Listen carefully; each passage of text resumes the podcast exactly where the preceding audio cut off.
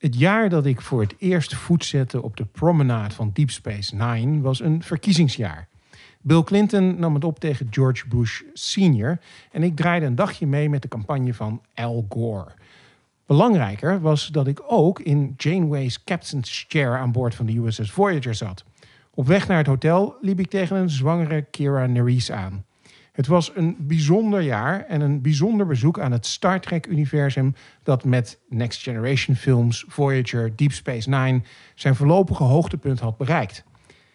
Deze aflevering kijken we terug naar die Gold-pressed Platinum eeuw van de Star Trek-geschiedenis. En we focussen ons op Captain Sisko en zijn spirituele reis tussen het Alpha en het Gamma-kwadrant.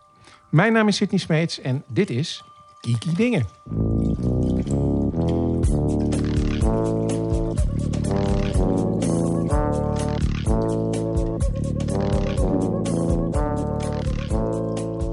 Mijn naam is Aafke Romein en mijn favoriete aliensoort uit Star Trek dat zijn de Ferengi. Mijn naam is Tom Aalmoes en mijn favoriete alien soort uit Star Trek zijn denk ik gewoon de mensen. dat is een beetje chauvinistisch, maar... ehm, Het is wel heel aardecentrisch. ja, het is heel aardecentrisch, maar die mensen hebben veel diversere persoonlijkheden dan al die soort van bijna karikaturen van de Hmm. alienrassen. Oké. Mhm, Daar moeten we het zo maar over hebben. Mijn naam is Linda Duits en mijn favoriete species is zijn de Borg. Maar die zitten niet in Deep Space Nine. Eh, en dus uit, Deep Space Nine. Ik heb hier de hele dag over zitten twijfelen. Ik denk toch de Vorta. Hmm, Oké, spannend. We het straks over hebben. Mijn naam is dus Sidney Smeets en mijn favoriete aliens van eh, Star Trek zijn de Vulcans, eh, oftewel Romulans. Het zijn eigenlijk dezelfde. En eigenlijk vooral omdat ze meestal heel knap zijn. Nou, nou ja, dat kan natuurlijk ook een reden Ja, zijn precies. om mensen op hun Ja. uiterlijk te beoordelen. Uiteraard, Ja, alleen maar. Een heel, een, heel, een heel ras. Een heel ras alleen maar op het uiterlijk. Ja, zo doe ik dat. Ehm, onze gast van deze uitzending, aflevering, u hoorde er al eventjes, is Aafke Romein. Yay. Muzikant, journalist, schrijver en haar kat heet Henk. Ehm, over haar bijzondere familiegeschiedenis maakte ze samen met haar zus, althans één van haar zussen, de podcast De Familie Romein. En ze schreef voor Geeks, interessant, het science fiction boek Concept M over de verschrikkelijke ziekte kleurloosheid. En ehm, ik heb jullie podcast uiteraard eh, geluisterd. En ik was heel benieuwd of jullie inmiddels naar het Nationale Archief zijn gegaan om het dossier van je oud-oom in te kijken. Het heeft heel lang geduurd, maar net tussen de lockdowns in zijn wij naar Den Haag geweest en hebben het gezien. Ja, Spannend. Dus er komt nog een aflevering. er, ja, er komt een eh, vervolg. Leuk. Oh. Ja. Ja, leuk. Spannend. Het is, het is een... Ja, ik- ja, nou ja, weet je, we weten inmiddels hoe fout die familie was. dus dat, daar kunnen we niet meer zo van schrikken. Dus het is nu vooral van hoeveel kunnen we nog achterhalen van wat er gebeurd is. Ja. Nou, maar jullie hebben ook een beetje ontdekt dat het op sommige punten minder fout was dan je dacht. Ja, zeker. Nee, het is heel, het is heel dubbel. Eh, maar het blijft toch wel een beetje raar als je erachter komt dat, dat een van je familieleden gewoon een SS'er was. Ja, Dat is heel. eh heftig. Het is toch wel bizar. Ja. Ja. En je boek Concept M, ehm, ehm, een science fiction boek. Wat, wat, wat bracht je ertoe om een science fiction boek te schrijven? Eh, ik zal proberen om dat een niet te lang verhaal te maken. Mag hoor, we hebben de tijd. Ik was eigenlijk helemaal geen sci-fi eh, consument. eh, heel lang. Ehm, en ik had eigenlijk al een, een ander boek geschreven. Daar was ik al vijf jaar mee bezig. En dat ging eigenlijk gewoon over mezelf en over mijn beslommeringen als twintiger. En, ehm, en toen had ik dat boek helemaal af en het zou uitkomen. En toen kwamen er in datzelfde jaar twee hele goede debuten uit van schrijvers van mijn leeftijd die ook over zichzelf schreven in ongeveer dezelfde carrière in ongeveer dezelfde stad. Toen dacht ik, oh fuck, ik ben zo onorigineel en ik heb het boek toen na wat soul searching integraal weggeflikkerd. Oh nee. Oh. Ja, nou ja, ik heb het nog ergens met Roblox, maar eh, het is niet uitgekomen. En toen eh, was ik dus ook mijn uitgever kwijt. Oh. Maar het lijkt me ook heel... Ik bedoel, ja, je- soms moet je inderdaad wat darlings killen. Maar gewoon Een heel boek is wel he- veel. ja. helemaal, ja. Ja, ik heb dat een aantal keer gedaan in mijn, eh, in mijn leven. Drie, drie keer. En het was drie keer wel een hele goede beslissing. Dus inmiddels vertrouw ik ook wel een beetje op mezelf bij, op dat soort punten. Het is net alsof die beslissing eigenlijk al voor me gemaakt wordt. Op het moment dat ik hem maak, dan weet ik het eigenlijk al. En dan denk ik, ja, ik moet alleen nog toegeven of zo. Hm. Maar goed, en toen heb ik echt een tijdje rondgelopen met van wat wil ik nou? eh, wat zou ik nou echt willen schrijven? En ik wist eigenlijk maar twee dingen. Het moet, heel, het moet iets origineels zijn waarvan ik denk dat het er nog niet is in de Nederlandse literatuur. Dat was eigenlijk mijn ene, dat was mijn ene eis. En het andere eis, andere eis was ik, ik wil echt rukzichtloos schrijven wat ik zelf leuk vind. En ik kwam eigenlijk al heel snel bij fantasy, bij Roald Dahl, bij eh, surrealisme in de Nederlandse literatuur uit. Eh, en de enige reden dat ik dat niet durfde was dat ik dacht dat ik het niet kon. Eh, en omdat ik dacht dat er nooit een uitgever geïnteresseerd ging zijn in Nederlandstalige sci-fi. Ehm, en dat vond ik allebei niet genoeg reden om het niet te doen. Dus ben ik het toch gaan doen. En Dat, ja, zo is het eigenlijk gekomen. Nou, Nice. van dat originele is zeker wel gelukt. Ja. Ja, Ja, nou, dat, dat hoop ik. Het is, eh, inmiddels zitten we in een pandemie, maar ja. ja het, was, het was een vooruitziende blik. Ja. Ik vond het ook heel erg leuk om een science fiction boek te lezen waarin ik de locaties best goed ken.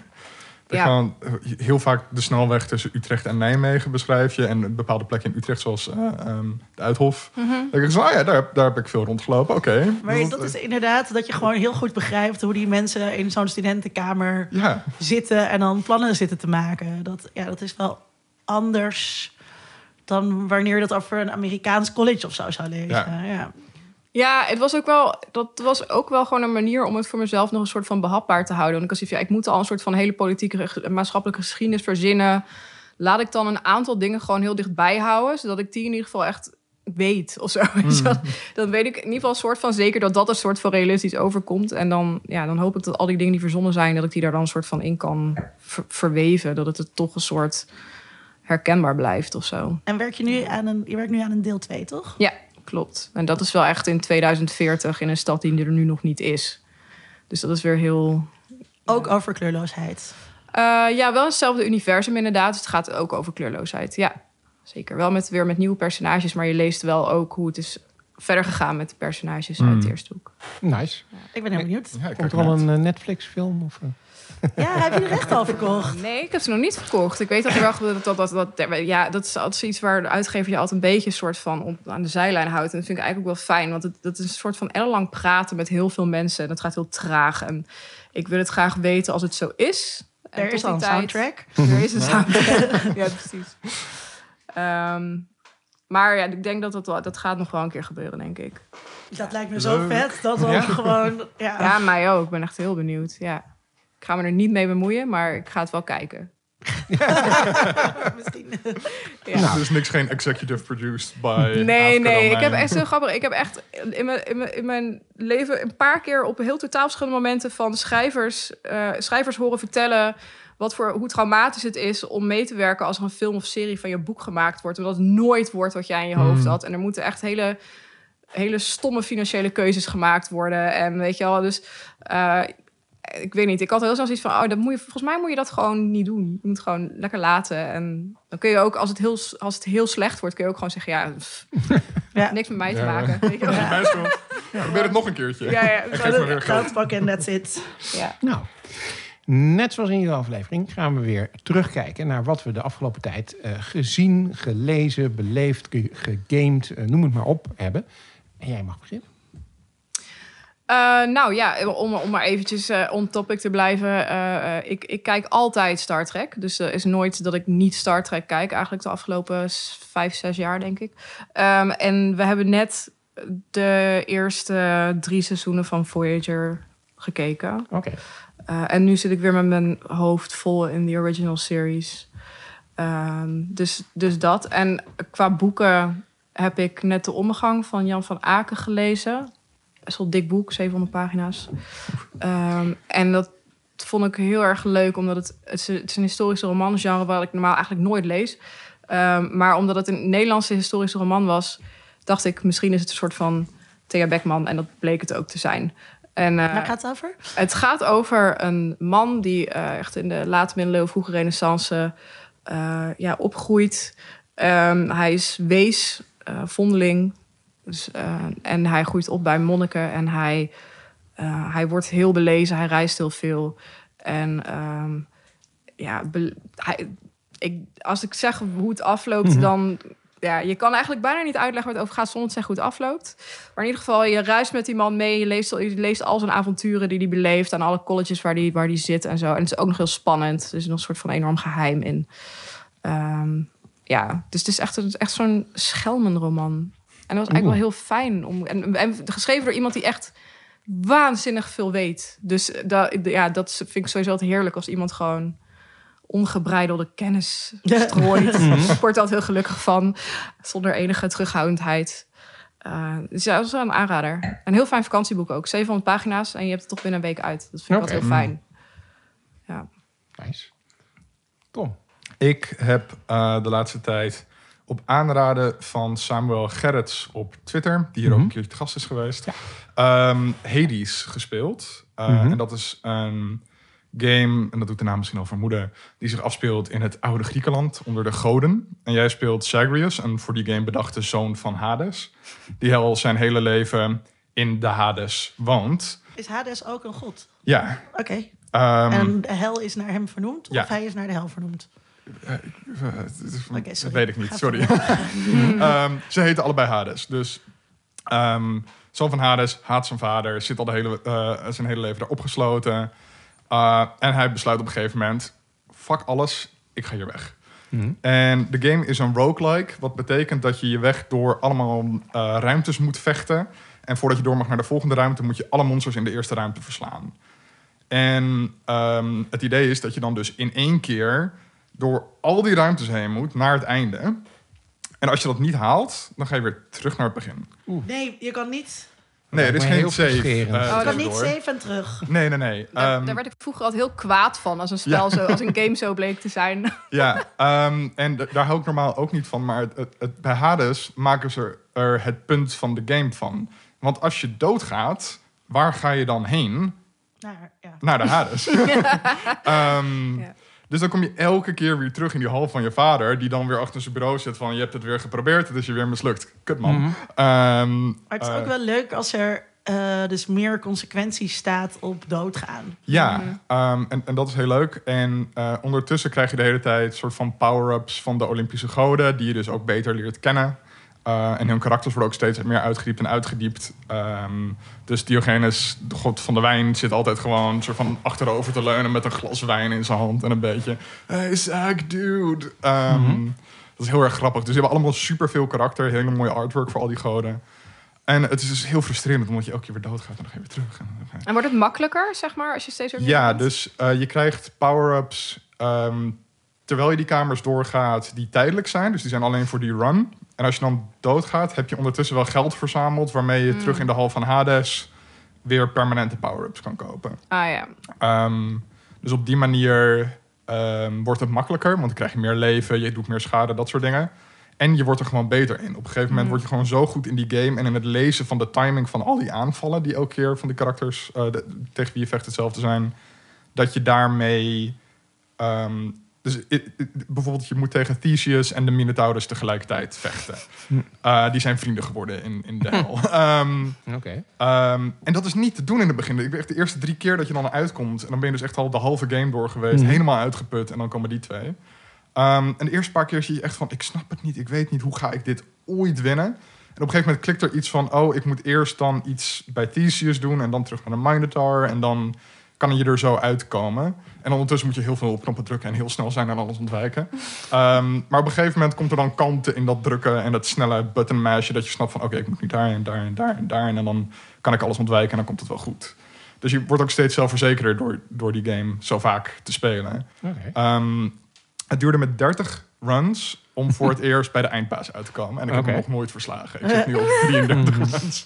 Dus het is echt een uitputtingsslag. Maar het is wel echt heel leuk gedaan. Ehm, En is er daarna dan nog wel, als je dus de eindbas verslaat, dan ben je buiten. En mag je dan nog wat doen? Ja, want Oh. ehm, en dat, dat zal ik niet spoilen voor de mensen die het willen gaan spelen. Maar ehm, hij is dan ook op zoek naar zijn echte moeder. En wie is dat dan? Mm. En dat was een sterfelijke vrouw. En misschien komt hij die wel tegen, misschien ook niet. Dat weet ik nu nog niet. Nee. Ehm, want het is me nog nooit gebeurd, gelukt om echt naar buiten te gaan. Oh, en heel belangrijk, je hebt Cerberus, de Mhm. driekoppige hond. Ja. En die ligt altijd in een hondenmand naast Hades. En die kan je altijd aaien. Oh. En dat is gewoon heel fijn. Ja, Dat is gewoon, dat is gewoon el- ook elke keer als ik daar binnenkom, het eerste wat ik doe is gewoon naar Cerberus toe rennen, aaien. Oh. Eh, en dan weer door. Ehm, dus dat is heel leuk. Ehm, en ik heb ook nog Gone Girl gekeken.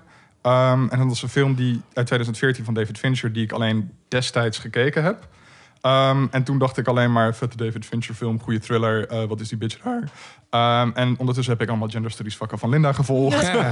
Ehm, en ook cultural analysis en master in gedaan en zo. En nu zit ik alleen maar van, wow, dit is een hele goede period piece over eh, de Amerikaanse middenklasse. eh, na, na de economische crisis. Heel erg goed eh, weergegeven. En ook, ik herken begrippen van Lauren Berland, crew optimism. Hier allemaal heel goed terug. Oh, je is bent allemaal voor goed verpest. Ja. ja. nee, voor goed verpest. maar tegelijkertijd maakt dat ook dat ik de film echt een stuk meer waardeer. Want Ja, het doet thematisch allemaal super interessante, complexe, rare dingen. Ehm, en dat had ik eigenlijk destijds allemaal, was dat helemaal over mijn hoofd heen gegaan. En nu zit ik echt zo van met nog meer waardering voor die film. Dus eh, kijk hem nog een keertje. Ik Ja. eh, heb hem ook alleen maar toen gezien. Ik weet ook niet meer zo goed wat ik daarvan vond eigenlijk. Maar ik zal hem Kijk hem nog een keer. Ja, is echt heel goed. Kan gewoon. Ja, Ja, oké. Ehm, ik heb eh, naar The Queen's Gambit gekeken Ja. op Netflix. Een serie over een fictief meisje dat eh, ontzettend goed kan schaken. En eh, dan zeg maar, ja, heel goed gaat schaken. en het speelt zich af in de jaren zestig. Ehm, en ehm, ja, zij is echt heel tof. Zij speelt het heel tof. Dan heb ik even de naam van de actrice niet opgeschreven. Ehm, in een mannenwereld waar je op zich... Ja, ze hadden daar wat mij betreft al iets langer bij stil mogen staan. Zeg maar bij het seksisme en racisme van de jaren zestig. Daar, daar, daar stapt het eigenlijk wel, wel makkelijk overheen. Maar het is natuurlijk heel leuk om te zien dat zij zo goed wordt... en dat iedereen ehm, ja, haar heel erg onderschat... En ehm, het is heel. De, eh, de, het, eh, hoe noem je dat? Het artwork, is echt heel fantastisch. Dus zij heeft echt hele gave kleding aan. En de sets zijn heel erg mooi. En ehm, ja, ik vond dat leuk. Heel goed gemaakt. Eh, zeer de moeite waard. Dus ook als je niet van schaken houdt, denk ik. Maar het gaat wel. Ehm, ja, ze, zij leert dus wel heel veel over schaken. En dus ook de, Gre- de, de, de Queen's Gambit is dus een bepaalde serie zetten. Ehm, dus dat vliegt je de hele tijd om de oren. Maar ook als je daar niks mee hebt. Ik ben niet zo'n hele erge schaker. Ik weet wat alle stukken doen. En dat was het wel zo'n beetje. Ehm, dan, dan nog is het erg leuk. Dus dat. En eh, daarnaast heb ik gekeken naar de film Fantasy Island. Eh, eh, een, eh, een horrorfilm als remake op de serie. Ook uit de jaren 60, denk ik, de serie. Ja, jaren 60, 70. Ja. Fantasy Island is een Met plek. Ricardo Montalban. Zie. Fantasy Island is een. Is een Khan. oh, is hij kan. Hij is Khan. Ah, ja, natuurlijk. Hij speelt dan ehm, eh, Mr. Rourke. Ja. Het is een eiland waar je fantasieën eh, uit kunnen komen. Maar je fantasie, je droom kan ook wel eens... eh, eh, to turn out in a nightmare, zeg maar. Ehm, en deze film is echt heel slecht. Ja. Het, is, is ook, en je weet dan al wel een beetje als je denkt: oh, ik ken geen van deze acteurs. Ehm, en het is dan bij Netflix ook altijd een beetje een gok of zo. Ehm, het ontspoort ook aan alle kanten, dus het is best wel slecht. En dan wordt het nog veel slechter. En het plot neemt echt een idiote turn. Ehm, maar ja, ik vond het toen, toen ik het keek, vond ik toch eigenlijk wel jammer dat ik die serie nooit gekeken heb. Want het concept is gewoon best wel leuk. Met iemand komt hier zijn fantasie uitleven en dan blijkt er meer aan de hand te zijn. En ehm, be careful what you wish for is natuurlijk, dat is een goed thema om mee aan de slag te gaan. Eh, maar nou, het is ook niet eng trouwens. Ehm, het is ook niet grappig. Ja. Echt een doe, aanbeveling. Doe hiermee, doe hiermee wat je wilt. Oké, nou gezellig. Ehm, ik heb gekeken naar eh, de eerste twee afleveringen van The Undoing. Dat is een nieuwe serie op HBO. Eh, vervelend is dat HBO natuurlijk nu niet meer een aparte zender is, maar dat je dat via Ziggo moet kijken met series en Excel en allerlei extra abonnementen. Of, je via downloadt het gewoon via Pirate Proxy. Precies, dat kan ook. Maar goed, als je dat dus niet wil doen, dan eh, moet, je de, moet je de hele tijd wachten totdat Ziggo weer zover is dat ze een nieuwe aflevering hebben. Nou, staan er nu twee. De derde moet, eh, moet eigenlijk vandaag komen. Ehm, hoofdrol gespeeld door Nicole Kidman en Hugh Grant. En eh, Noah Jupe, die speelt het zoontje van, van hun twee. Eh, kort gezegd, eh, dat zoontje zit op een hele dure, elitaire eh, school in New York. Ehm, op die school eh, zit ook een jongetje dat eh, uit een wat meer achtergesteld gezin eh, komt. En zijn moeder wordt dood aangetroffen. En het eh, mysterie is natuurlijk wie heeft dit gedaan? Is er een connectie met Nicole Kidman of met Hugh Grant? Ehm, en ehm, nou ja, hoe, hoe ontwikkelt zich dat eh, verhaal? En ja, dat is gewoon goed gedaan, althans in de eerste twee afleveringen. Ik weet niet hoe het zich verder gaat ontwikkelen, of het spannend blijft en of het interessant blijft. Maar het is in ieder geval wel goed gedaan. Het wordt zeker goed geacteerd. Eh, er zitten natuurlijk ook allemaal, allemaal twists in. Want ja, er blijken natuurlijk toch allerlei andere dingen aan de hand te zijn dan je in eerste instantie dacht. Ehm, en eh, ik vond het, vond het leuk. Ik vond het leuk om naar te kijken. En ik ben benieuwd hoe het zich eh, gaat eh, ontwikkelen. En het andere wat ik gekeken heb eh, is eh, Lovecraft Country. Daar hebben we het eerder over gehad. Die heb je al genoemd. Hebben Ja. we al eens eerder genoemd, maar toen was het nog bezig. En toen waren eigenlijk geloof ik de eerste twee afleveringen eh, met ehm, Dan hebben we het daarover gehad. Ehm, en de vergelijking die zich toen opdrong en die zich nu ik het hele seizoen heb gezien eigenlijk nog meer opdrong, is met eh, Watchmen omdat er heel veel van dezelfde thematiek als in Watchmen in deze serie eh, zitten. En sterker nog, ook de Tulsa Massacre, waar Watchmen eh, mee begint, die zit hierin. Eh, en, en die komt, komt weer terug. Dus dat thema, eh, ja, dat leeft heel erg. En dat zit ook in deze serie.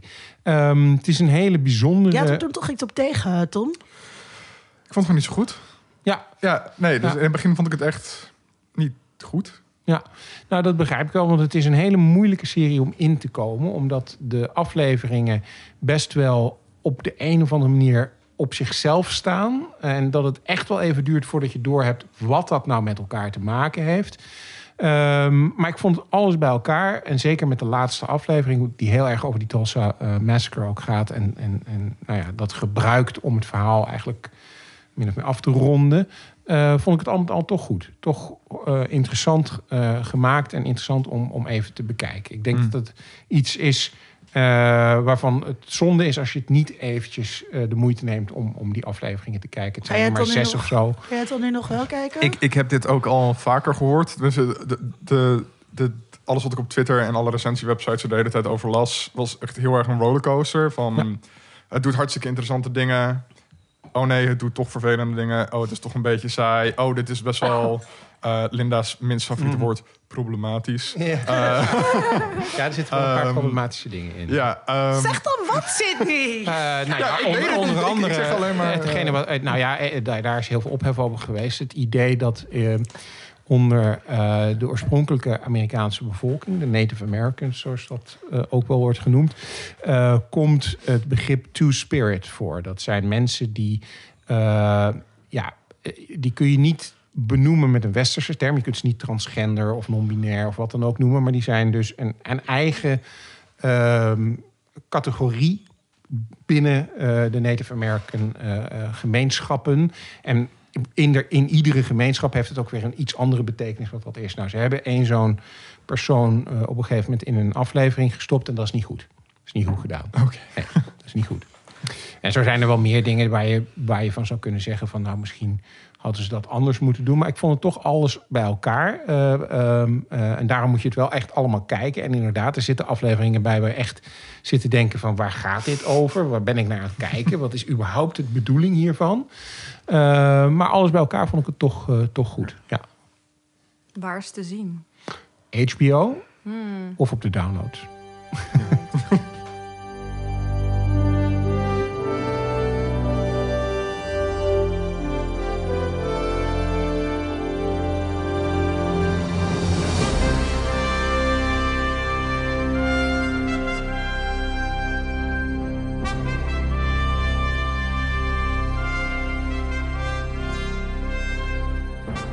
Ja, Star Trek.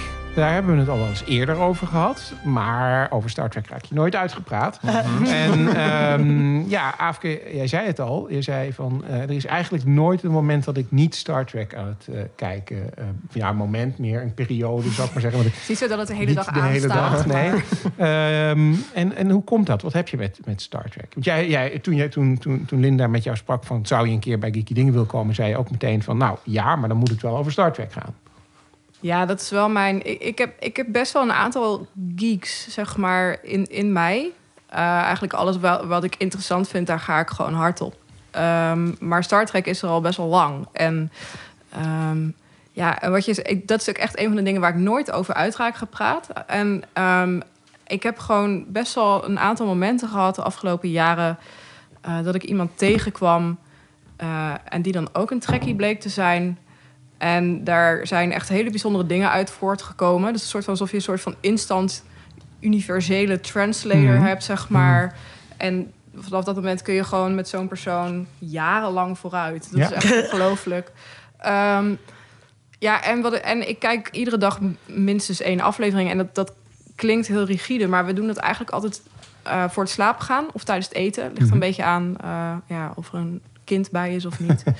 Ehm, en Ehm, ja, en dat is een soort van ingesleten patroon geworden. Maar eh, ja, ik, ik ben getrouwd met iemand die, eh, eh, nou ja, ook heel graag verhalen analyseert, zullen we zeggen. Dat is zijn vak. En ja, het is een onuitputtelijke bron van fijn analytisch materiaal. dus dat, ja, ik weet niet. En, ehm, eh, en, en ja, het is, ook, het is ook echt een universum waar ik eh, me echt in thuis voel. Omdat ik, het zo, omdat ik zoveel gezien heb en er iedere dag even ben. Ik, ja, is het net alsof je er zelf ook een beetje woont of zo. Op zo'n schip. Ja, ik vind, dat heel, ik vind dat heel herkenbaar. Ik heb dat ook met Star Wars. Maar zeker inderdaad ook met Star Trek. En, en ehm, dat je gewoon ook alle... Nou ja, je begon met, eh, met eh, de soorten, met de verschillende species. Dat je die dus ook zo goed ondertussen kent en, en eigenschappen weet. En zodat je daar heel makkelijk in en uitstapt. En ik vind ruimteschepen ook heel cool. Eh, Ja. Maar dus dat je inderdaad, oh, weet je wel, ja, dan ben je gewoon nu even op, dat, op dit station. En ehm, ja, en zeker, en zeker dus ook wel eh, alle karakters. Juist ook omdat die seizoenen duren heel lang. Dus je kunt gewoon. Heerlijk, ja. Ja, je, je, je, je weet gewoon echt. eh, wat Tom Paris beweegt of, eh, Ja. of Dr. Bashir of zo. Dat, eh, dat, is, dat is ook wel echt heel sterk. Ik vond ook veel. Ik had er echt. We kunnen echt over iedere aflevering wel een, een Ja, aflevering Echt, maken. Dat is niet normaal. Ja. Ja. Nou ja, dat, dat- we gaan er gewoon een paar uitkiezen. En eh, iedereen eh, eh, roept vooral, hè, als je op een gegeven moment denkt van... nou, oh ja, daar wil ik het ook nog over hebben. Ehm, Maar wat heb, je, wat, ik- wat, heb, eh, mm, wat heb jij met Star Trek? Ja, nou, dat wou ik net gaan zeggen. Oh. wat ik heel erg herkende in wat, wat Aafke zei... is inderdaad dat je heel eh, snel met mensen die ook iets met Star Trek hebben... een bepaalde band eh, hebt. Ik kan me nog herinneren dat ik een jaar of 16, 17 was. Ik werkte toen nog... eh, ik woonde toen nog in Limburg, in Valkenburg. En ik werkte op de kasteelruïne. En eh, daar kwam op een gegeven moment een, een, een jongen... die had een, een, een Star Trek speldje op. En Zoals dan- jij nu. en zo zit nu, inderdaad. Ehm, en en eh, nou, dan ontstaat er onmiddellijk een gesprek. En dan heb je het meteen ergens over. En nou ja, Henk heet hij, Henk Groenendijk. die luistert ongetwijfeld ook.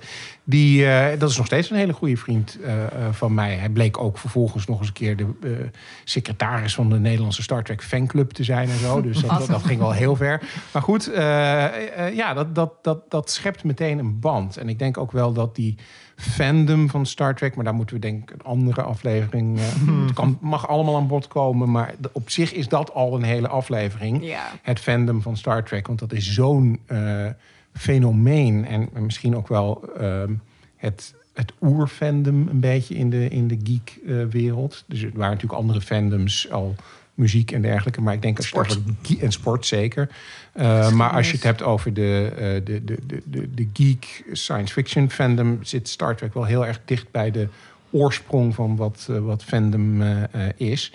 Ehm, En voor fanstudies heel belangrijk geweest. Zeker, Dus ja. ehm, eh, Henry Jenkins, Ja. de belangrijkste fanonderzoeker, eh, heeft eh, een boek over ehm trekkies geschreven. Get Alive heet Ja. het. En, en dat is dus ook voor fanstudies een heel, hoe zeg je- dat? Wat zeg je nou, zo'n kernwerk? Ja. Wat is er? Ja. Nou, maakt niet uit. Ik, heb, ik, eh, ik had een heel zwaar weekend. dus mijn hoofd werkt niet helemaal zoals het zou moeten. Maar eh, ja, dus, dus ook dat. Ja. Ja, nee, dat is inderdaad. de- hè, dat Get Alive, dat komt van, van Bill Shatner, hè, de Captain Kirk. Die op een gegeven moment op een Star Trek convention, eh, waar hè, dat is het stereotype beeld wat je altijd in de Saturday Night Live sketches en zo ziet. Het is een dan- Saturday Night Live ja, sketch. precies inderdaad. Eh, waar, een, waar, een, fan dan op een gegeven moment zegt... nou, in aflevering 16 eh, deed je dit en dat. En eh, hoe zit dat nou eigenlijk? En dan schreeuwt hij een soort frustratie van... get alive! Hè? En dat... eh, eh, zo, zo is dat boek dus gaan heten. En, eh, Het boek, he- het, boek heet dus, het boek heet zo, omdat... eh, kijk, en dat is natuurlijk heel interessant... dat, eh, die, die, dat die sketch is best wel grappig... Ja. maar dat Shatner eh, zo neerkijkt op die fans. Ja. En eh, dit is natuurlijk een tijd eh, aan het eind van de jaren tachtig... toen er ook heel negatief over fans nagedacht werd. Fanatics, en ze zijn een beetje gek... en ze wonen Ja. allemaal in hun moeders kelder. ja, daar komt ook die, die, die Stalkers. Stalkers. term eh eh, trekkies eh, als junkies eh, vandaan. Eh, dat is dus ook een term die onder echte Star Trek fans een beetje, eh, eh, nou ja, problematisch, eh, om dat woord maar weer te gebruiken. Dat is. woord gewoon niet gebruiken. Ja, nee, nee, precies. Nee, nee, eh, echte, echte eh, Star Trek fans die noemen zichzelf liever Precies, ja. trackers in plaats van trekkies. Ja. Ehm, nou ja, waar, waar, we hebben Tom het- nog. We moeten oh, nog ja, even aan Tom Oh, ja, vragen. ja, natuurlijk. zeker. Ja, Tom, wat vind jij er eigenlijk van? Oh, ik Tom? wilde dit Nou, eigenlijk eh, Tom, een zeg beetje, eens. een beetje Tom? vermijden. Ehm, ik ben de enige hier aan tafel die volgens mij geen trackie is. Sorry allemaal. Ehm, jullie kunnen niet jaren met mij een vriendschap opbouwen rond dit onderwerp. Maar, ehm, Het is Nee. nooit te laat, hè? nee. ja, ik, ik heb ook wel vroeger vaak zat Star Trek gekeken. Ehm, maar ik ben er nooit helemaal ingekomen. En nu ook weer met DS9 kijken, is het nooit dat als ik dan op de bank plof aan het einde van een werkdag, dat ik dan zit van, ah, even lekker een afleveringetje Star Trek kijken of zo. Dat zit niet zo in mijn systeem. En ik merk ook dat ik het moeilijk vond om door het huiswerk heen te ploeteren. Oh. Ehm, niet dat ik het Sorry. niet... Nee, nee, nee, nee, nee, niet zo, sorry. Niet dat ik het niet leuk vond om naar te kijken. Alleen... Ik vond het ehm, niet leuk om naar te kijken. Nee, eh, eh, eh, hoe verwoord ik dit goed? Ja. Ehm, nee, ik, ik ben gewoon... Ik hou heel erg van gewoon lineaire series... die gewoon een doorlopend verhaal door tien afleveringen vertellen... en me dan met rust laten. En Mm. om dan zeven seizoenen van 24 afleveringen... waarin elke keer weer een losstaand verhaal verteld wordt... En dan heb je met, met Deep Space Nine heb je dan nog de enige serie te pakken waar een ja, soort ja, waar van het dan doorlopend, doorlopend verhaal in zit. Ja, dat, wil ik dan ook wel. Maar ja, maar ik, Eh. vond dat dus, ik vond dat dus tegenvallen. Dus in mijn herinnering, en ook omdat het dus steeds zo wordt aange... Kijk, het is natuurlijk gewoon ouderwetse tv. En Ja. Mhm. dit was... ehm, het was volgens mij op RTL 5... eh, elke dag rond half zes of zo eh, werd het uitgezonden. En toen heb ik hem allemaal in één keer gekeken. Maar het wordt dus vaak aangehaald als, als een van de series met die eh, over, overarching be- verhaallijnen. Ehm, terwijl toen ik het nu keek, dacht ik ja, ja, inderdaad, die oorlog met de Dominion, dat is, maar voor de rest valt het best wel mee. En nog steeds waren er gewoon eh, heel erg veel afleveringen met één probleem. klopt. En dat wordt dan in één Ja. of twee afleveringen wordt dat probleem opgelost. En ik vond dus, ja, het verbaasde me over hoe weinig storyline er eigenlijk over de afleveringen heen getild wordt. Omdat, en dat zijn we nu natuurlijk ook gewoon.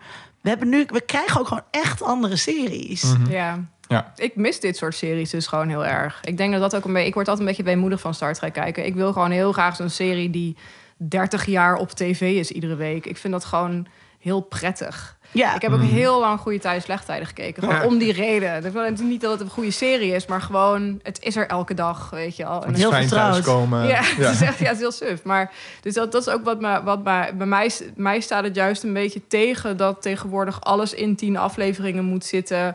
En dat in iedere aflevering acht heel belangrijke en beladen momenten zitten waar iedereen moet huilen. En dat ik echt zo van, ah, weet je, dat, dan heb ik een beetje van laat me met rust, weet je wel. Geef me gewoon 30 afleveringen waarin iedereen zich een beetje langzamer zeker ontwikkelt. En eh, ja, dat vind, ik, dat vind ik dan weer gewoon heel rustig. Nou, maar het is dus ook heel geruststellend, zeker eh, in, in deze tijd die gewoon heel onzeker en kut is en zo, eh, met de pandemie en opkomend fascisme, dat, ehm, dat een probleem dus gewoon opgelost kan worden Ja, als je ja. gewoon, Ja. weet je wel, een flux cap- capacitor eh, even realigned en, eh, en dan, en dan je moet stembolts. Je moet even, er moet even eh, de, de oplossing moet bedacht worden, zeg maar. En dan is het probleem weg. Ja, dat O'Brien halverwege de aflevering inbelt van... jongens, ik ben erachter, geef me een ja. kwartiertje. Ja. Ja, ik vind het mooiste daaraan altijd. Ik, ik kan daar niet meer normaal naar kijken, omdat ik op een gegeven moment toen. eh, toen The Next Generation helemaal op Netflix verscheen, toen was er na de laatste aflevering nog een soort van mini-documentaire. waarin Ja. Jonathan Frakes een soort van rondleiding geeft achter de schermen. En toen introduceerde hij dus het tech-team. En dat waren gewoon twee nerds die, die een eigen kantoortje hadden met heel veel papier. En dat waren gewoon technici die basically gewoon verzonnen wat ze moesten zeggen. En dat, Ja. dus dat de, de regular scriptwriters gewoon op een bepaald moment alleen maar tech neerzetten. en, dat het dan ge- en dat het dan gevuld moest worden. En nou, toen ik dat dus zag, dacht ik... Dus ik, ja, ik, ik vind dat... eh, ik, ik kan nu dus zeg maar gewoon een soort van uitschakelen... op het moment dat, dat, dat Miles O'Brien dan inderdaad zo begint te praten. En dan zeg ik gewoon tegen man, tech. En dan... Ja, ja oké, klaar, weet je wel. Ja, dat- dat, dat klopt. Dus ehm, ik, ik ben daar dus eh, geweest toen die series opgenomen eh, werden. Hebben een rondleiding eh, gekregen. Gelukje, omdat ik iemand, iemand kende die daar werkte. Nou ja, dan heb je geluk en dan mag je dus daar rondkijken. Ehm, en wat dan opvalt is ten eerste dat het fantastisch mooi gemaakt is. Want als je dus op die promenade van Deep Space Nine rondloopt... dan denk je echt dat je op dat station bent. Dat is gewoon echt heel knap. Eh, en dat komt natuurlijk omdat die serie zo lang bleef. Ja, dan eh, kan dat, ja. Ja. dan kan je daar geld in stoppen en dan kun je zorgen dat het goede sets eh, zijn. Ehm, en je had inderdaad naast het hele schrijversteam eh, een aantal mensen die zich heel specifiek bezighouden met de continuïteit. Ja. Van klopt het met de andere series en klopt het met het, eh, met het huidige verhaal. En met de technobabble. Je had daar eh, mensen die echt ontwerpen maken van hoe, ze, hoe, hoe zo'n eh, nou ja, warp reactor er dan uitziet en hoe die dingen allemaal heten. En een van de grappigste verhalen vind ik altijd dat je. ehm, je hebt het Heisen- Heisenberg onzekerheidsprincipe, wat er eigenlijk over gaat dat je nooit kunt weten wat de plek en de snelheid van een deeltje kan je nooit tegelijkertijd weten. Iets, iets in die trant. Dat kan een wetenschapper beter uitleggen dan ik. Ehm, dus als je iemand wil gaan transporteren met een transporter, dan heb je nogal een probleem, want je kan die twee dingen niet meten. En daar hebben ze een oplossing voor in Star Trek, want in een transporter zit een Heisenberg compensator. Ja, dat is. dat is er is dus, En als, als, je, als je dan vraagt van ja, maar hoe werkt die Heisenberg compensator? Dan zeggen ze very well. maar dus dat, eh, dat met die Heisenberg compensator. Ik had. eh, eh, dat is de aflevering waarin volgens mij echt zo'n perfect stukje Technobabble zit. En dat had ik opgenomen en op Twitter gezet. En eh, toen ging iemand dus ook zeggen: ja, nee, de Heisenberg compensator. En toen dacht ik: oh god, nerd. Ja. En, eh, en toen ging, ging ik dat eens opzoeken. En dan ehm, eh, op zo'n wikipagina staat het dan ook allemaal uitgelegd. En in welke afleveringen dat ook allemaal eh, terugkomt en zo. En ik vind het dus ook leuk dat daar mensen zoveel plezier aan kunnen beleven. Dus zo'n nerd die dat dan tegen mij ook zegt op Twitter. Die dat dus ook paraat he- heeft. En, ehm, eh, en dat allemaal bedenkt. Maar tegelijkertijd is het ook wel... Het is de hele tijd een soort Deus Ex Machina. Al die tech, al die Ja, tech tuurlijk, shit. zeker, ja, Want absoluut. dit is dus de aflevering ehm, waarin ze terechtkomen op aarde. ehm, eh, in, een verkeerd, in een verkeerd tijdperk. Ja, En- de, de Ferengi. Of nou, oh nee, dit is die eh, waar, Nee, waar de mensen. eh, dan komen ze in een soort van ghetto terecht. Met, eh, Ja. ja. Precies, in, in San Francisco op een bepaald moment. En eh, wel in onze toekomst, maar dus in hun verleden. En Cisco weet dan natuurlijk precies, want eh eh, weet dan precies wat er, wat er gaat gebeuren, want die kent zijn geschiedenis. Ehm, en dat is heel interessant. En het, ik bedoel, het is een interessant verhaal wat ze gaan vertellen. En het laat een beetje de duistere kanten van aarde zien voordat eh, eh, we Warp Speed ontdekten en tot verder Federation gingen behoren. Maar uiteindelijk is het dan gewoon dan zeg maar als ja, weet je wel, ik heb het, eh, ik heb het, ik heb het inderdaad Ja. opgelost. Ja. En dan beamt iedereen weer terug. En Ja. dat is dus ook wel, ehm, daar begreep ik Tom ook wel. Ik, dat maakt dus ook wel dat ik dus ook minder invested erin ben. Omdat je dus altijd, het komt altijd goed of zo. Het is een beetje die E-team die opgesloten wordt in een schuur waar ze dan allemaal spullen hebben zodat ze er weer uit kunnen. Ja, je weet, dus het maakt het minder spannend. Doordat je weet dat het altijd goed komt. Ik vind, Maar dat, ja, ik vind dat op Voyager vind ik dat het extreem, misschien wel het meest extreem. Dat ze gewoon iedere, iedere aflevering, oh, een nieuwe, een nieuwe alien soort. Oh, oké, oh, eerst zijn ze heel vervelend. Oh nee, ze we zijn eigenlijk wel aardig. Oké, doe je. En dan is En dan heb je, je hebt heel veel van die afleveringen in Voyager waar echt een minuut voor het einde iedereen bijna dood is. En dan opeens, dan is iedereen goed en dan leggen ze uit, oh ja, we hebben toch even dit en dit gedaan. En dan heeft de dokter weer iets gemaakt waardoor iedereen weer beter is. En dan, eh, en ja, het is ook wel een soort van grappig bijna of zo. Een soort van parodie op, op, ja, op gewoon, het is bijna een soort van sitcom. Je, Klopt. moet, je moet terug Ja. naar de status quo en Ja.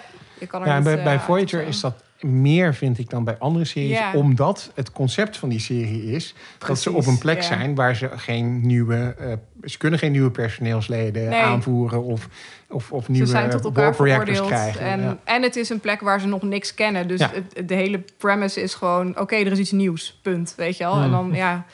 eh, behalve dan de afleveringen waarin ze... oh, we hebben een wormhole, we kunnen misschien terug. Oh nee, toch niet. Weet je wel? Ja. En dat gebeurt ook ieder seizoen drie keer. En ieder seizoen denk je...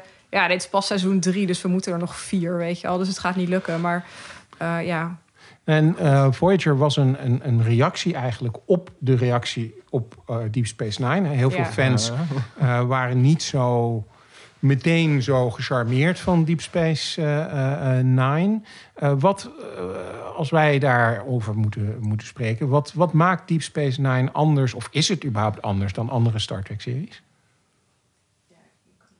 Ja, ga gang, graag. Daar, daarom ben je hier. Ik Ja, ben wel bang. Als het over Star Trek ben ik altijd heel bang dat ik een soort van zo'n enorme mansplain rant van drie uur. Nou, graag. Ja, nee, Ja. Nou, ik denk dat er, twee, er zijn volgens mij twee dingen.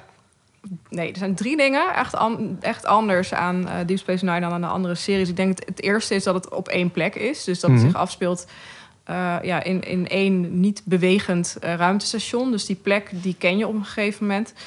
Dus in plaats van dat zij naar mensen toe gaan, komen mensen daar aan en gaan ze weer weg. Ehm, het tweede is dat je inderdaad iets meer een soort van langere spanningsboog hebt. In het begin nog niet zo heel erg, maar inderdaad vanaf dat die oorlog uitbreekt... Dan, eh, en dan wordt het politiek eigenlijk stiekem ook best wel ingewikkeld... voor de gemiddelde Ja. Star Trek-serie. dus je krijgt een heleboel eh, ja, facties... die allemaal onderling weer best wel ingewikkelde verhoudingen en geschiedenissen hebben. En ehm, ja, ik vind dat fantastisch. Maar er zijn heel veel mensen ook op afgehaakt... Eh, en het derde is dat, dat, dat vind ik persoonlijk een heel belangrijk ding in Deep Space Nine, is dat zelfs, zelfs de, de meest eh goedaardige figuren in, in Deep Space Nine hebben, hebben nog steeds een soort van duistere kant. Ieder, Mhm. Niemand is eenduidig. En dat, ehm, ja, ik vind dat heel prettig, zeg maar, als, als een reactie op eerdere Star Trek-series. Dus van, ik krijg meer diepgang. Maar ehm, ik kan me ook wel voorstellen dat dat een beetje ingewikkeld is voor de Star Trek-fan... die gewoon heel graag eigenlijk een soort van sitcom heeft... maar dan in de ruimte of zo.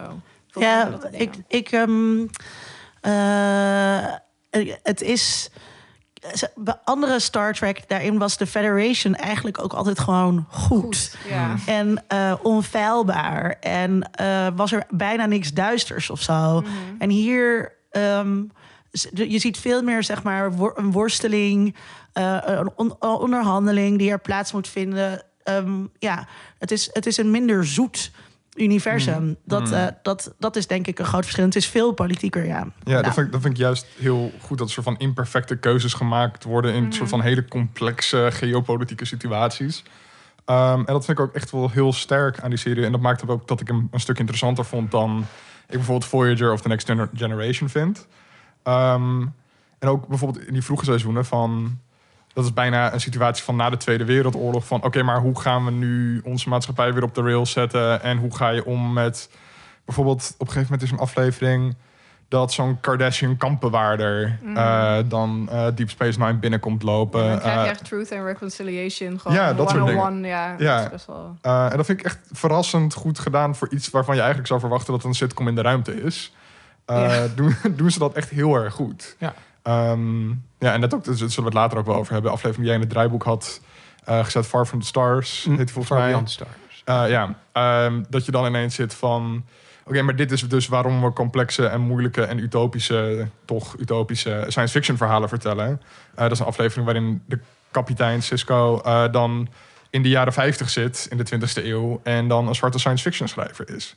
Dus dat ook heel meta dan gaat over... dit is waarom we dit soort verhalen vertellen... Mhm. en waarom wij denken dat Star Trek belangrijk is. Eh, dat vind ik echt heel tof gedaan. De, de schrij- het schrijversteam dat eh, Star Trek Deep Space Nine is gaan maken... heeft dat inderdaad natuurlijk ook dus als een soort reactie op de Next Generation gedaan. Een van de dingen die eh, bij de Next Generation speelde... was ehm, eh, de gedachte van Gene Roddenberry... de bedenker van Star Trek, de oorspronkelijke Star Trek...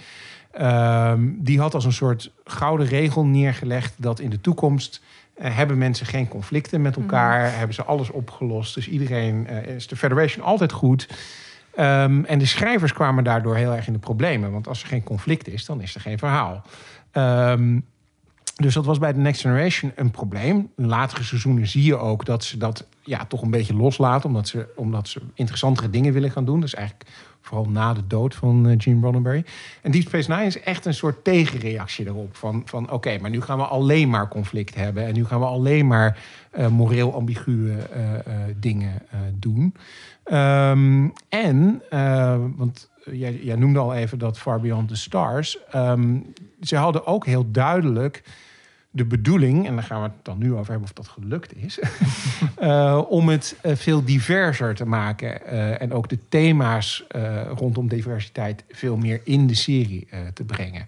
En dan kijk ik even naar Linda, omdat Linda altijd zegt: nee, dat was al lang zo in de jaren eh, negentig. Ja, het is een serie uit de jaren negentig. Precies. Ja, ja dus, dus oh, je bedoelt, ja, het is een ding in deze podcast dat het dan over nu, omdat iedereen nu zo met representatie bezig is. Ja, dat waren we in de jaren negentig ook. En toen speelde dat dus ook. En als je dan inderdaad kijkt naar zo'n aflevering als eh, eh, Far Beyond Stars, dat zou nu ehm ehm, geherald. Ik ben echt niet ik ben het woord van. zou nu echt ontvangen worden met wauw en weet je wel Black Lives Matter en echt een tijdsbeeld en zo. En dat we dus vergeten dat er dus ook zulke televisie toen eh, gemaakt werd en dat die thema's dus niet nieuw zijn om aan te snijden in de populaire cultuur. En ik vond echt eh Far Beyond Stars echt heel erg goed gedaan eh, ook. En die diversiteit die druipt er vanaf. Ik bedoel, op het moment dat je in de eerste aflevering eh, al die mensen leert kennen. En weet je wel, de knappe vrouw is de science officer. En een andere knappe vrouw is de eh, rebelse militair, zeg maar. Of de, een, of zwarte, de- een zwarte captain, ja. en een zwarte captain, precies. En dus dat. Alleenstaande vader. En alleen zijn vader, inderdaad. Dus dat. En, dat, ja, en, en je weet gewoon dat dat bedacht is. Ja, of zo. ja. Dat ze dat toen ook expres gedaan hebben. Zoals ze dat nu ook doen. Ja. En ik vond dat dus ook eh, toen prettig. En nu ook weer. Ja, het maakt gewoon wel tot een fijne serie om te kijken als er eh, wat diversiteit in zit. Mhm. Ik vond het zelfs bij terugwerkende kracht. Ik ben nu, ik, dat grappig genoeg, eh, de original series heb ik eigenlijk wel als laatste gezien. Dus eh, Mm. ja. Mhm. Ik heb dat nooit van- gekeken. Nee. Nee, ja, en, eh, en op een bepaalde manier is het ook heel cringy, want het is inderdaad, weet je, de vrouwen hebben allemaal hele korte rokjes aan en het is allemaal ondergeschikt en bla bla bla. Eh, maar toch, wat me wel opviel, was dat er zelfs in die serie eigenlijk al op een iets subtielere manier over diversiteit wordt nagedacht. Omdat Spock is eigenlijk de enige alien aan boord. Mhm. en, eh, en, en af en toe zijn er dan nieuwe crewmembers die dan daar heel lelijk over doen. En dan is Kirk echt van nee, we zijn hier niet racistisch, et cetera, et cetera. Dus daar zitten al een soort van. eh, ja, en nou, je hebt natuurlijk Uhura, de zwarte vrouw, die, eh, die erg belangrijk is. Ehm, dus het is ook wel. En mijn- George Takei, wat toch ook wel Ja, ja, bijzonder was. Ja, en, en Tsjechov, en er is ook nog een Rus in. Nou, ja. Eh, dus, dus het is, voor mijn gevoel is, is diversiteit eigenlijk wel een soort van thema... wat eigenlijk ook heel erg bij Star Trek hoort of zo. Dus Zeker, Niet, eh, ja. ja.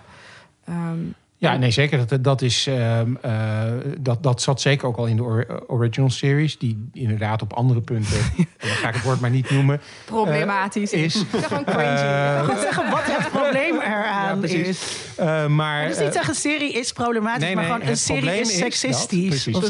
nou, dat is, dat is hij zeker. Maar Ja. dat was, denk ik... ehm, eh, Is hij seksistischer dan andere jaren? series nee, precies. dat, was, dat, is, dat was zoals eh, Ja. toen er toen in series eigenlijk altijd met vrouwen. Ik moest wel heel erg lachen, omdat het zich in de toekomst afspeelde. En ik zat gisteravond dus een aflevering te kijken... waarin dus een nieuwe science officer aan boord komt. En dat is een hele mooie vrouw. En dan zegt Kirk tegen...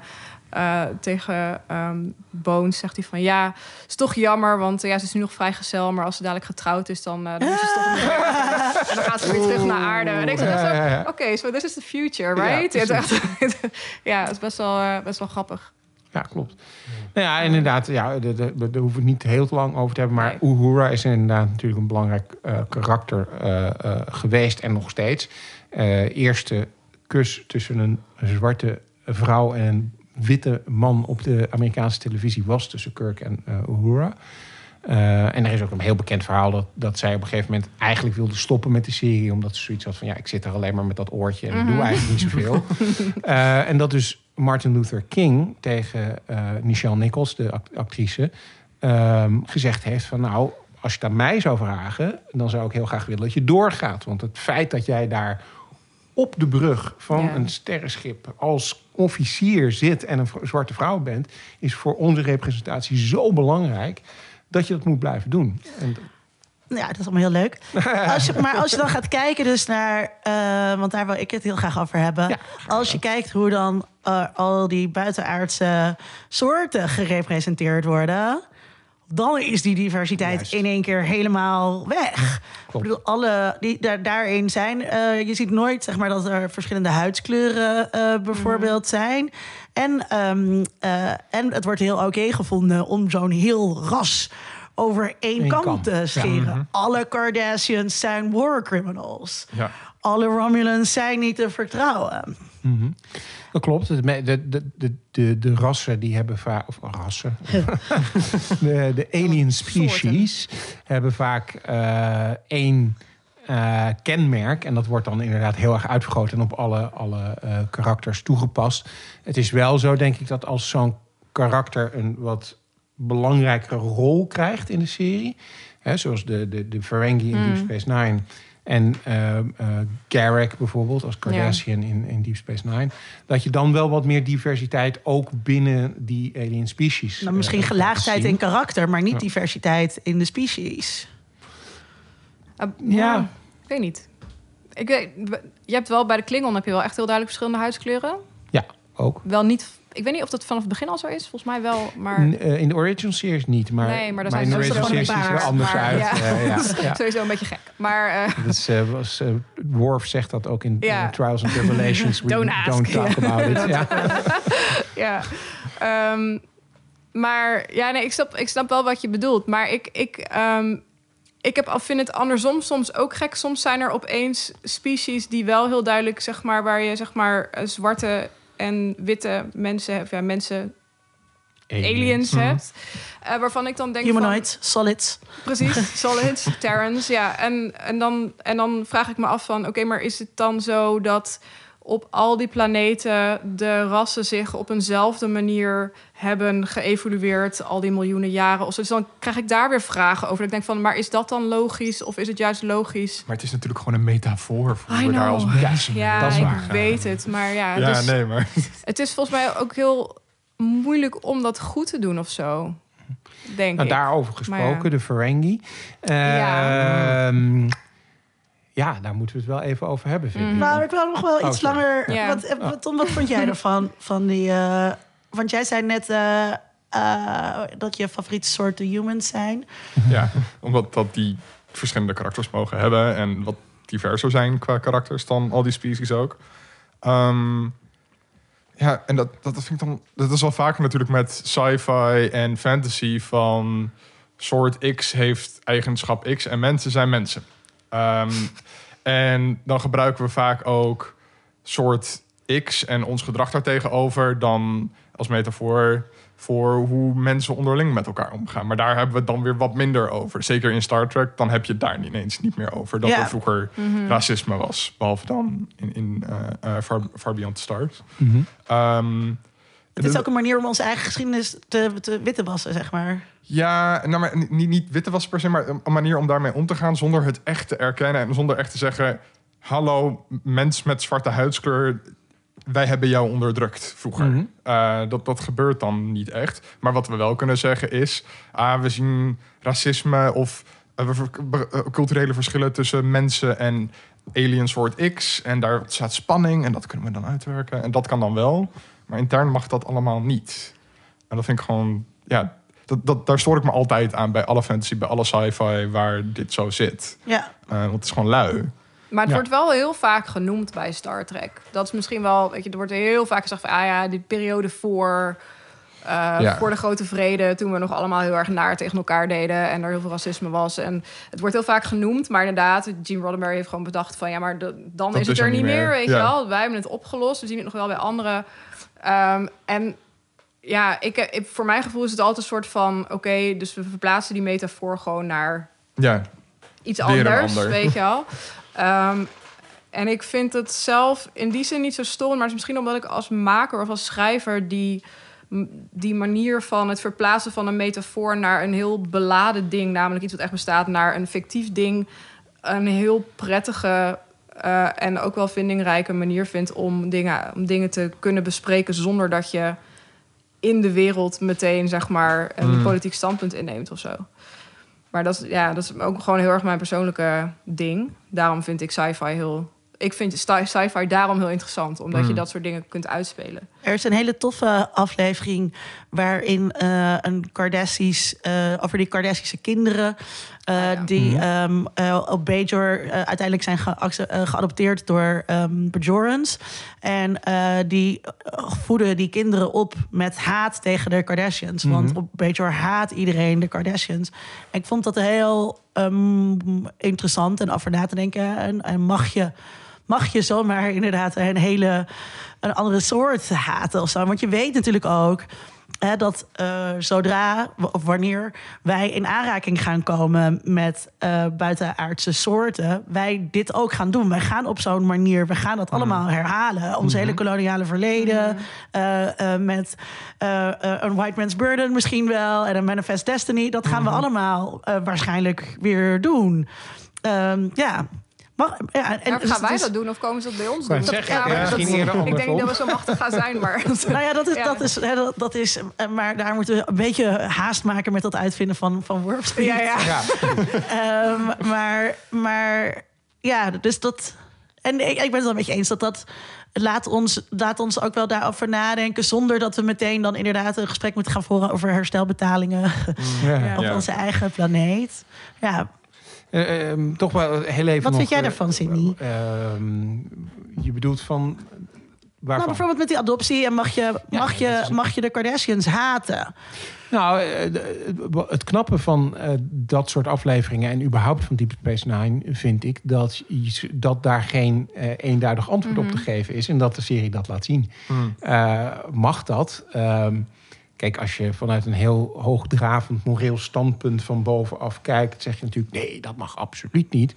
Maar eh, als je bekijkt eh, vanaf het niveau van deze Bajorans die niet alleen onderdrukt zijn, maar gewoon bijna uitgemoord zijn in een concentratiekamp. Het is heel duidelijk een Ja. eh, Mm. metafoor voor de Tweede Mhm. Wereldoorlog. Eh, dan is het toch bijna niet, niet kwalijk te nemen dat je dat hele ras als eh, hè, dat je dat haat.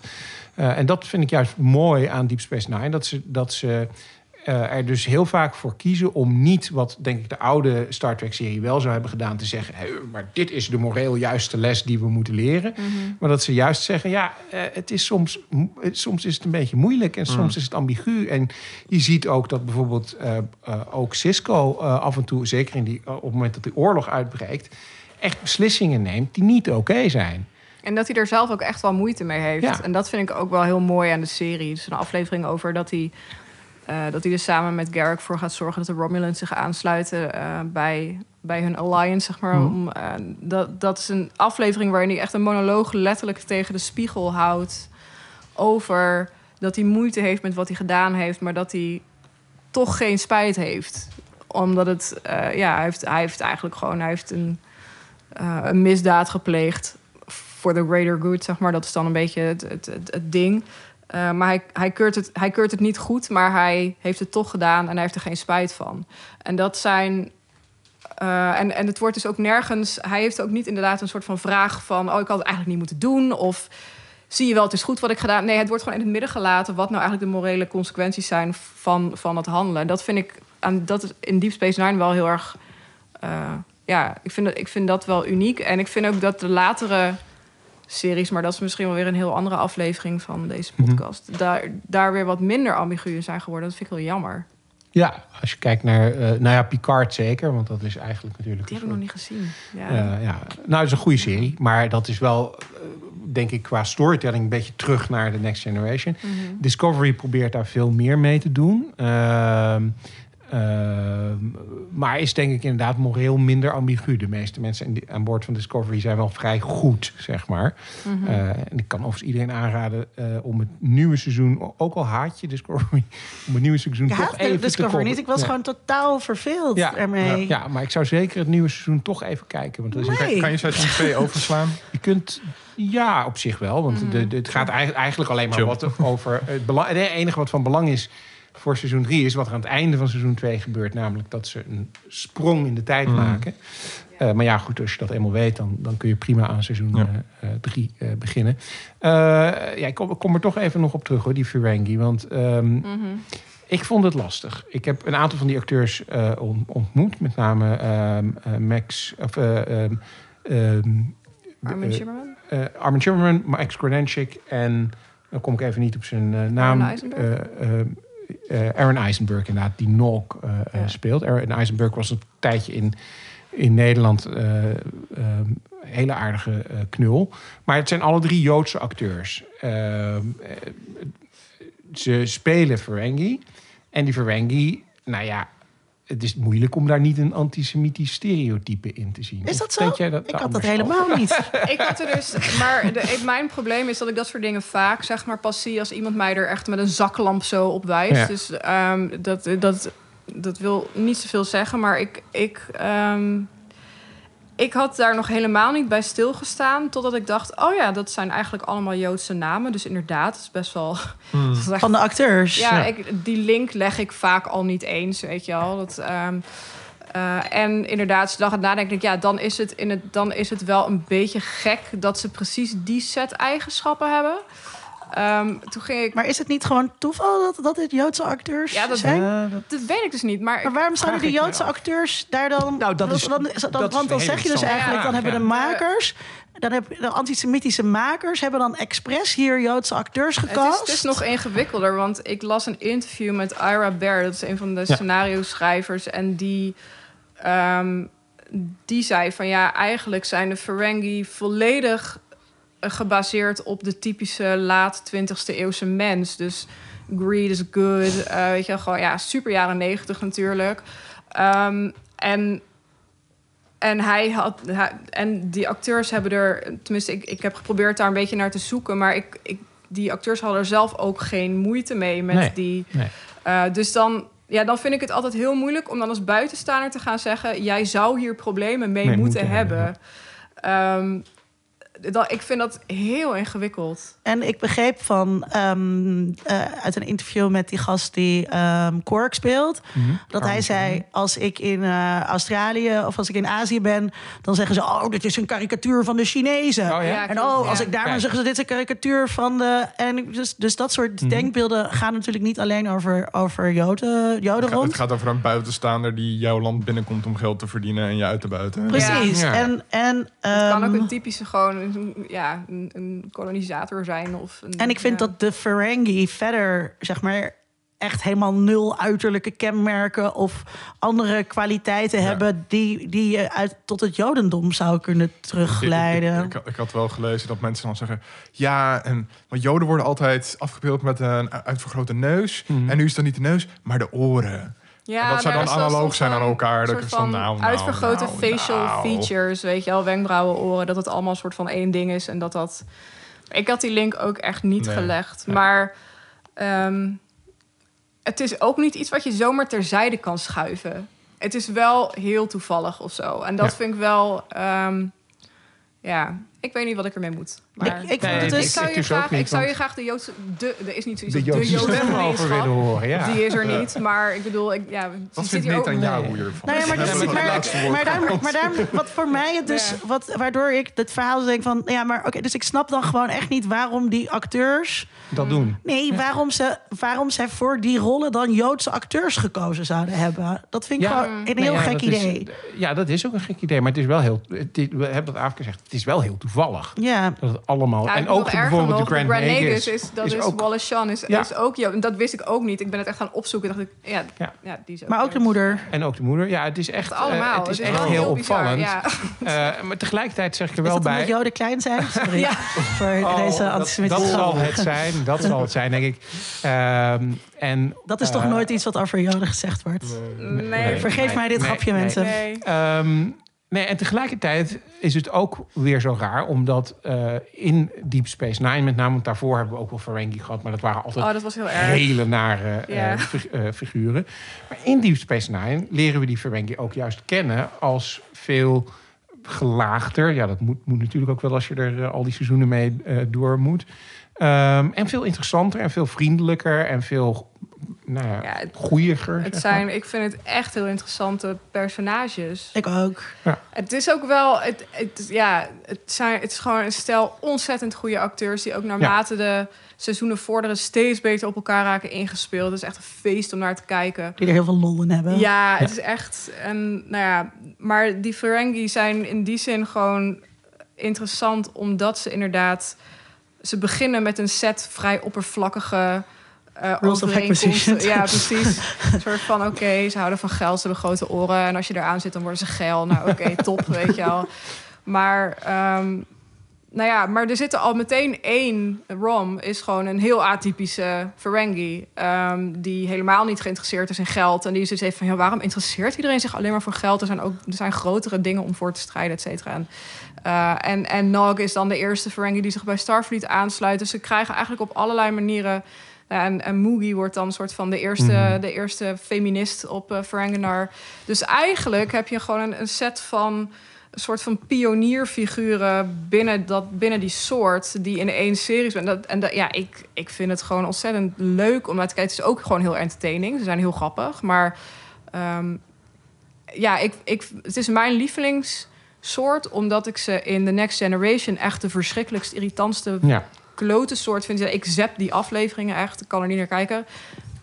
En het lukt ze om gewoon helemaal mijn hart te veroveren binnen de volgende serie. Dat vind In, ik echt heel ehm, knap. In eh, seizoen 2 zegt Dex tegen Kira... als je eenmaal accepteert dat de Ferengi misogyne kleine trollen zijn... zijn ze actually a lot of fun. en, en, maar dat, is het gewoon, ik ja. vind dus ook... Ja, Dex is sowieso een fantastisch Ja, eh, personage. Ja. Eh, en dat, dat juist Dex dan ook uitkiest... om gewoon heel veel nachten lekker door te halen. Ja, ja, ja, zeker, eh, ja. in Quarks en zo. Dat, Aan de Dabo Table, ja. ja, precies. Dat, dat vind ik dan ook wel veelzeggend of zo. Voor iemand die dus zoveel geleefd heeft. Ja. eh, en, en die wijsheid heeft. Ik had ook nog opgeschreven. Volgens mij zegt Quark dat ergens.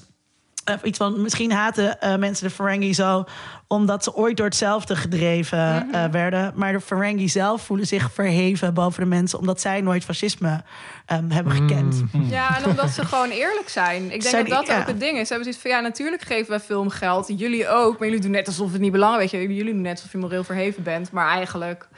eh, en dat is misschien ook wel, ja, ik weet niet, dat, ma dat, dat maakt ze heel grappig. Maar eigenlijk is het ook heel relatable of zo. Dus dat, eh, ja. En dat is dus wel eh, een manier ook van Deep Space Nine om kritisch te zijn naar de mensheid. Ja, Zeker. Ja, eens met die Ferengi dingen. oké. Eh, nog even dan, eh, eh, we hebben Dax al genoemd. Ehm, jij was niet zo gecharmeerd van haar liefdesleven. Kom op, hé. Maar ik heb sowieso... Ik kan echt niks met Worf. Nee. Ik vind Worf... En Maar dat, zij kan wel iets met Worf. ja, maar dat is gewoon totaal... Ik, dat begrijp... I'm not buying it, weet je wel? Dus Ja, gewoon... Worf is zo'n aseksuele... aseksuele sukkel. weet je wel? Nou. En dat is zo, ja, ik vind hem echt, echt een sukkel. En dan maar zo, today is a good day to die. of zo. Lame, Worf, echt lame. En ehm, eh, eh, ja, dus ik zie, ik zie het gewoon niet tussen hun. Ik kan me gewoon niet voorstellen dat een, weet je wel, een thrill van de, van de wereld, zoals Dex is, dat die dan kiest voor zo'n, ja, suffert. Ja. Ik vond ook wel hoe ze dan ehm, voor haar dood, die in die aflevering, dan heel erg zit te hameren op ze van ze wil zwanger worden, ze kan zwanger worden, er komt de baby aan, kijk hoe verliefd ze zijn, ze is dood. Ja, ja, ja. ja. Ik dacht, Ja, kom op nou, Ja, jongens. maar het is, ook, en het is ook niet nodig. Ja, ik vond het ook niet, niet nodig. Ik was vooral heel erg teleurgesteld. Ik ga Omdat een koekje eten. steeds, Ja, zeg maar... Dat er overal een soort van werd geadverteerd van de eerste lesbische kus van Star Trek Ja, is met Jetsia. En uiteindelijk blijkt het dan toch gewoon een vermomde... Ja, is het zeg maar toch niet helemaal een lesbische kus of zo. Ik weet niet. Dat vond ik dan weer een beetje jammer. Dus wie was het ook alweer dan? Ja, ik zit ook even te denken, want ik heb die aflevering... Was, was dat niet de Mirror geleden. Universe? Of is- Ja, ja, ja, Ja, dat ja. was het. Het is inderdaad een Mirror Universe, ja. Ehm, Met, eh, met Ja. Kira. Met Kira, Ja. ja. Maar dan doet ze dat eigenlijk als zijnde haar, haar vorige host of zo. Dus als man. Maar omdat ze dan toevallig het lichaam van een vrouw heeft... is het dan een lesbische kus. Maar eigenlijk is, het, is ze dus aangetrokken als man tot een vrouw. Het doorbreekt wel- het heteroseksuele... Ja, dat wel. Maar ik had wel zoiets van... Meh. ja. Dat was wel En- leuk geweest als er echt een love interest was. En, ehm, Jadzia gaat dus inderdaad dood. Hè? Want eh eh, Gul Dukat, eh, Mhm. de eh villain van het... eh, van een, Call the echt. Ja. Maar wat een Wat? held. Ja. Ah. Wat, een, wat een fijn personage. Wat een acteur ook, echt. Damn, ja. Maar ja, Call Ja. God, ja. Nou ja, Gul Dukat die, die, die, die, die is op dat moment bezeten door de power raids. En eh, die doet eh, onaardige dingen waardoor de Jadzia doodgaat. En dat, Mhm. De werkelijke reden is natuurlijk dat de actrice geen zin meer eh, had. Ehm, en dan krijgen we het volgende seizoen eh, krijgen we Esri. Maar zeg jij nog even eerst wat jij dan over die, eh ik die, die, over die, die liefde tussen- liefdesrelatie. Nou, ik vond het wel wat begrijpelijker, omdat eh, het, het heel erg eh, wordt ingekleed in de gedachte. En die gedachte die wordt opgebouwd door ook die andere drie Klingons. Hè, die, ik ben even de namen kwijt, maar het zijn al drie Klingons die in de original series als Klingon al voorkwamen. En die dan nu opeens weer terugkomen. Ehm, dat heel erg opgebouwd wordt dat zij daar in haar vorige host, eh Curzon is dat volgens Mm, mij, een, een, een, een band mee heeft gehad. En dat ze echt een, ook een soort krijger was. En dat ze met die Klingons optrok. En dat dus die hele Klingon-cultuur en dat, dat, dat idee van, van eh, ja, krijgerschap, zeg maar. Dat dat heel erg in haar vorige host zit. En dat haar vorige host daar dus heel erg veel mee heeft.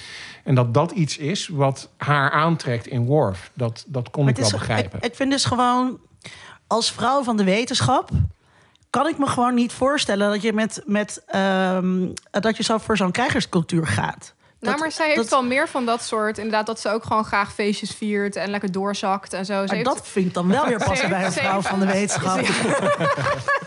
maar heeft Heel herkenbaar, ja. Ik, ik vond het echt heel erg bij haar karakter. Ik vind, ik vind Worf ook echt... Ja, ik vind hem ook een beetje suf. Ik snap ook niet dat hij is aangetrokken als een soort van kijkcijferkanon in seizoen 4. Maar Mhm. oké, dat terzijde. Maar ik, ik, wat ik wel heel erg eh, geloofwaardig vond... was dat zij ook een beetje gaat voor... zeg maar die kinky side van die Klingons. Dus dat, Mhm. dat wilde en, en dat, dat fysieke en dat ongrijpbare, zeg maar. Dus een beetje een soort van fysieke tegenpol van wie zij zelf is. Dat vond ik wel, dat ze dat opzoekt, dat, dat vond ik wel heel geloofwaardig. En die arme Worf heeft ook al alleen maar pech in de liefde. Want Ja. zijn eerste vrouw gaat dood. En dan gaat vervolgens eh, gaat het niet goed met eh, Troy. Eh, want die gaat toch weer naar Riker. En, dan, Mhm. en dan nu ook nog een keer... Oh, Troy en Riker. Als ik ook een Oh, hekel echt? heb aan Ja. personages. Hou op. Och, och, och. Zo vervelend. Ja, dat is misschien ook wel wat Deep Space Nine leuk maakt. Daar zitten minder personages in waarin je kapot Ja. gaat. Ja. Nou ja, en, en dus ook heel veel. En dan, eh, oh ja, laten we het eerst nog even hebben over Ezri eh Oh ja. Dex. Wat vonden we daarvan? Nou ja, dat is dus wel zo'n personage waar, waar, Waar je dan kapot aan gaat ergeren. Ja. Ja, nee, ze zit er niet lang genoeg in om me kapot aan te ergeren. Ik vond haar eigenlijk wel... Ik vond haar wel interessant en ik had er nog best wel een aantal seizoenen willen zien. Ik vond Ja. haar ook gewoon wel heel leuk. Maar Ja. ja, dat terzijde. ja, ze is wel knap. Ja. Ik, eh, ik ben niet zo ver gekomen. Oh, Nee, Oh. sorry. Oh. Nou, geen Ezri. Maar er zitten dus wel ook heel veel eh, eh, recurring characters in. Hè? Dus die Mhm. niet tot de kerncast eh, behoren. Maar nou ja, Dukat, maar ook zijn eh, Damar of Damat. Zijn, Damar. Zijn, Damar, zijn, eh, Mhm. zijn, zijn lu- luitenant, die later allemaal. Ehm, dat is ook, vind Die ik later wel... een verrader wordt, maar uiteindelijk... En de uiteindelijk de- redden. Ja, maar dat, is de, dat, dat vind ik dus ook wel weer knap. Want je, je, je sympathiseert aan het einde wel met hem.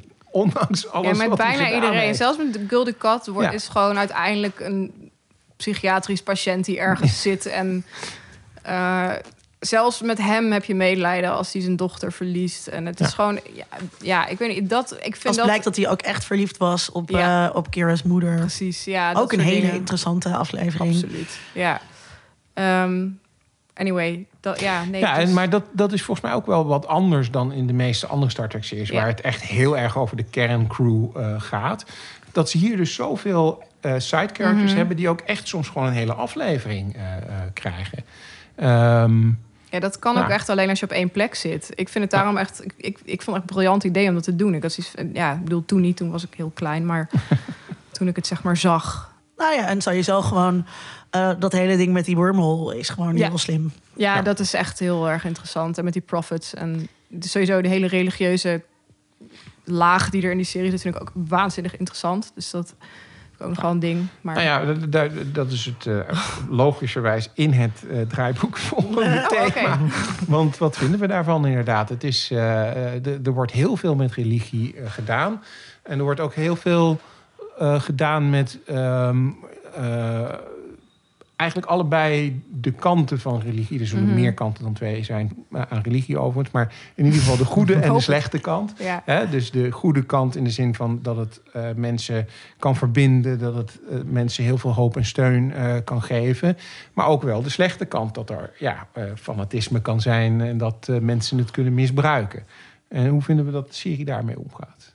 Eh, nou, misschien moet je dat even zelf zeggen, want deze vraag is nogal Ja. leidend. Ja, nou ja, nee, is hem leidend? Oh, Ja. Oké. Eh, nee, ja, ik vind dat de serie daar heel interessant mee omgaat. Ehm, door eigenlijk steeds ook hier weer, net zoals het in alle aspecten dat doet, eh, beide kanten te laten zien. En, en ook niet bang te zijn om gewoon ehm, eh, te laten zien dat er aan religie ook wel een gevaarlijke kant eh, kan zitten. En een kant kan zitten die ehm, nou ja, gewoon tot vervelende gevolgen kan, kan leiden. Je ziet dat bijvoorbeeld in die aflevering waar op een gegeven moment die school eh, eh, ja, min of meer gesloten wordt, omdat er een discussie ontstaat van ja, eigenlijk gaan we de evolutietheorie eh, leren of gaan we de Bijbel eh, leren. Dat is eigenlijk natuurlijk de discussie die daar Vrij letterlijk was ontstaat. dat. ja. Ehm, en, en, en natuurlijk de, de, de, de Kai eh, Win is het volgens mij, Ja. die op een gegeven moment ja, helemaal, helemaal van het padje afgaat. Oh, die vond ik trouwens wel echt irritant. Ja, ja, echt- zij is ja. echt. Maar op een goede manier. Een soort uit, van. ja, zij is echt een soort van. Eh, want zij moet ook irritant zijn. Ik heb, heel, ik, heb, eh, ik heb heel vaak inderdaad bij Star Trek en ook bij Star Wars trouwens... is wat één personage waar je zeg maar die eigenlijk heel leuk moet zijn... waar, ik dan, waar, waar je dan helemaal kapot aan ergert. Niks. Maar Kai Win, die moet ook irritant zijn. En dat doet ze heel goed. Dat vind ik wel Ja. knap. Maar ik vind, ik vind eigenlijk... wat ik vooral heel erg interessant vind aan religie in die serie... is dat er in het midden wordt gelaten... ehm, nou ja, als je het afzet zeg maar, tegen die original series... Daar, kom, daar komen goden ook wel af en toe voor. Maar dan blijkt altijd dat het een soort van oplichters zijn of zo. Weet je wel? Mm. Dus dat eh, de oude Griekse god eh, Apollo blijkt dan echt te bestaan. En dat is gewoon een alien die even langskwam op aarde, weet je wel. Het, zijn altijd, eh, het blijkt altijd dat religie toch niet echt is. En, en Deep Space Nine is een soort van super ambiguë plek... waar religie iets is waarvan niemand precies weet wat het nou is... en of het bestaat of niet. Of die prophets nou echt zijn of niet. Ehm, eh, en waar nou ja, Cisco uiteindelijk de, de, de, de captain... ehm, die gelooft niet, maar accepteert toch dat, het, eh, dat hij toch gelooft. En die, eh, die paradox in hem, dat vind ik als iemand die... ik ben heel erg gefascineerd door, door religie, en, maar niet re- religieus opgevoed. Ik vind dat echt te gek. Dat het gewoon ook aan het einde nog steeds niet duidelijk is van... maar wie waren die mensen nou met wie hij gepraat heeft? En huh, hoe kan het nou? Weet je, er gebeuren af en toe dingen die niet helemaal kunnen. Dus dat moet dan haast religieus zijn. Maar nee, dat moeten ze dan toch eigenlijk uitleggen. Want het is Star Trek, het kan niet religi- religieus zijn, weet je wel. Maar, eh, en dat gebeurt gewoon niet. Er wordt vaak een valse tegenstelling opgeworpen tussen wetenschap en religie. En dat is iets waar eh, ik me als wetenschapper die zich veel bezig heeft gehouden met religie eh, aan stoor. Omdat eh, het geen tegenstelling is. Dus Nee, precies, ja. nee, dus eh, ehm, wetenschap heeft heel erg wortels in eh, religie. En eh, ehm, eh, wat Tom aan het doen was in zijn master, het close readen van allerlei teksten. Ja, daar zijn De die. hermeneutische traditie. Precies, ja, daar zijn die relies mee begonnen. Ja. En ehm, dus die en, en ehm, Deep Space Nine gaat voorbij aan die tegenstelling. Dus ehm, als het dan, ik weet niet meer precies hoe Cisco het verzoent in die aflevering over ehm, dat religieus onderwijs, Ehm, maar hij kiest daar volgens mij geen kant in of zo. En, en eh, ook als het gaat over de, de hoe heet ze? Hoe heet ze? Founders? Ja, de Ja. founders. Ja. Ehm, eh, ja, voor, voor eh, de Forta zijn zij gewoon goden. Ja. Hmm. Ja, dat en, en dan blijft in het midden of dat nou terecht is of niet. Dat doet er ook helemaal niet toe. Want het gaat bij religie niet om is het waar, maar wat doen mensen ermee? Hoe ga, hoe, wat, ja, wat, doen mensen met teksten? Wat voor functie, wat voor sociologische functie heeft het? En dat vind ik interessant. En dan zie je dus, ehm laat ze heel goed zien hier ook dat er een verschil is tussen het instituut van de religie met die Kai, die wat hartstikke corrupt is. En de betekenis die het bijvoorbeeld heeft voor iemand als Kira, Ja. eh, die, die, die zowel kritisch kan zijn op het instituut, als toch gewoon echt diep, diep gelovig ehm, is. Dus ik vond, ja, dat doen ze goed. En een wetenschapper. Is ook. Kira ook een Ja, wetenschapper? weet ik niet. Ik heb al het idee van wel, maar het is misschien ook mijn eigen wishful thinking. Ja. Ja, nee, ik heb eigenlijk vrij weinig weer toe te voegen bij wat Linda hier net over zei. Ik vind dat heel leuk gedaan in de serie. Dus eh, dat, dat religieuze ervaringen mogen bestaan. En die hoeven niet per se wegverklaard te worden of wat dan ook. Ehm, en, en dat, dat ja, ik, ik- ja, weer, ik heb niks toe te voegen. Ja, Oké, nee. nou, duidelijk. Eh, Oké. goed gezegd. Ehm, Moeten we nog, maar moeten we nog doorpraten over, over de rol van Cisco als soort van savior of Bajor? Ja, ik heb te veel door de serie heen geskipt om daar echt die lijn uit te pikken. Wat is daarmee aan de hand? Help. Eh, nou ja, het begint natuurlijk. De, de eerste aflevering heet eh, Emissary. Dat, dat, Mhm, dat, ja. dat, overigens een fantastische aflevering, omdat ze teruggrijpen naar eh, Wolf 359 en het gevecht met de Borg en dan Picard. Dat is heel knap, vind ik, verhaaltechnisch gedaan. Ehm, en eh, eh, eigenlijk vanaf die aflevering zitten er iedere keer elementen in eh, de serie die dat verhaal een klein beetje verder brengen. Mm. Van waarom is hij dan de emissary en wat zit daar dan achter? Nou, uiteindelijk komen we er zelfs achter dat zijn moeder een prophet of wormhole alien, afhankelijk van welk kies, kant je kiest, eh, is. Ehm, en dat vind ik ook wel knap gedaan in de serie, dat ze dat volhouden en dat het uiteindelijk zelfs helemaal aan het einde van de serie een, ja, een soort ver- ver- ver- eh, belofte is die eh, Ja. eh, vervuld wordt, omdat hij dus echt Daarvoor eh, kiest. daarvoor kiest en ook Ja. zijn rol accepteert als prophet en als Hmm. inderdaad savior van, van, van Bajor. En eh, ja, dat is een beetje met wat Linda net al zei, dat, dat die tijdens de serie ook heel erg ehm, die rol accepteert. En dat hij eh, enerzijds natuurlijk een Federation captain is die daar gewoon is om te zorgen dat Bajor uiteindelijk tot de Federation toetreedt en dat de belangen van de Federation bij het wor- eh, wormgat eh, bewaard worden. Maar dat hij altijd op het moment dat er Bajorans, of het nou kinderen of volwassenen zijn, die naar hem toe komen en hem aanspreken als, als emissary, dat hij daar altijd respectvol mee omgaat. Ehm, Terwijl hij er eerst eigenlijk zelf helemaal niet in gelooft. Ja. Maar hij, dat vind ik ook wel interessant. Dat hij zoiets heeft van ja, ik kan niet deze illusie ehm, bij voorbaat kapot maken. Dat kan ik tegenover hen niet maken. Het is echt een beetje alsof zeg maar, iemand die al heel lang Sinterklaas speelt of zo. Zo van, oké, hier zijn de Mhm. kinderen. Ik moet, nu ben ik Sinterklaas. En straks ik mijn baard weer af of zo. En dan gaandeweg evolueert dat nadat hij, dat hij eigenlijk erachter komt... Van, maar dit is, dit is echt mijn rol, hoe, hoe ambigu het ook is. En eh, of ik er nou zelf in geloof of niet, maakt ook niet zoveel uit. Weet je wel? Dat is niet... En, en die prophets, eh, of die, die wezens, eh, blijken ook heel erg eh, soort van oppermachtig te zijn. Op het Hm. moment dat ze in een cruciale, dat is ook zo'n Deus Ex Machina trouwens. Ja, Eh, absoluut. dat ja. zitten ze in een cruciale eh, fase van de oorlog, met de Dominion. En eh, de Kardashians hebben net zeg maar de minds gecleared die dan voor dat wormhole liggen, waardoor alle duizenden Gem Adar schips door, de, door het wormhole kunnen komen. En dan, gaat- en dan eh, vliegt Cisco dus met de Defiant dat wormhole in en eh, praat hij met de Prophets. En Dat is ja, je moet als eigenlijk en dan zo, poem, laten ze al die duizenden schepen gewoon verdwijnen. Ja, Chill. dat, eh, dat eh, ja, wezens uit een wormhole konden dat ook niet zomaar. Eh, ja, dat, dat ligt eraan wat voor wezen Ja, het dat is, zijn. maar dat vind ik Ja. sowieso, dat is sowieso altijd een beetje raar. Want het, ik, in die zin is, is de rol van, van Q ook heel raar. Van de Q Ja. als, als soort, als personage. Ehm, volgens Ja, mij zit die dat- niet in Deep Space Nine, Jawel, jawel. Hij komt Is er een Q-aflevering? Er is een Q-aflevering met eh, de archeologen uit Next Generation... waar Picard op een gegeven moment een paar afleveringen oh, ja, een relatie mee heeft. Ja, je hebt hem nog Jazeker. Ja. Eh nee, Q, zit, eh, Q zit in alle, eh, behalve in Enterprise... eh, en natuurlijk in Discovery ook niet, maar in, in, in zeg maar Next Generation Voyager en eh, Deep Space Nine zit Q erin. Ah, oké. Alleen Ja, kan Deep Space Nine is maar één aflevering. Oh, want ik heb Eh, wel, want- ik heb ook een beetje, ik heb ook niet alles eh, Nee. gekeken. Maar Oh, dat komt denk ik omdat ehm, ja, Q ook best wel lastig is als, al- voor de schrijvers. Het is enerzijds een hele leuke eh, uitvinding die hele leuke dingen kan doen.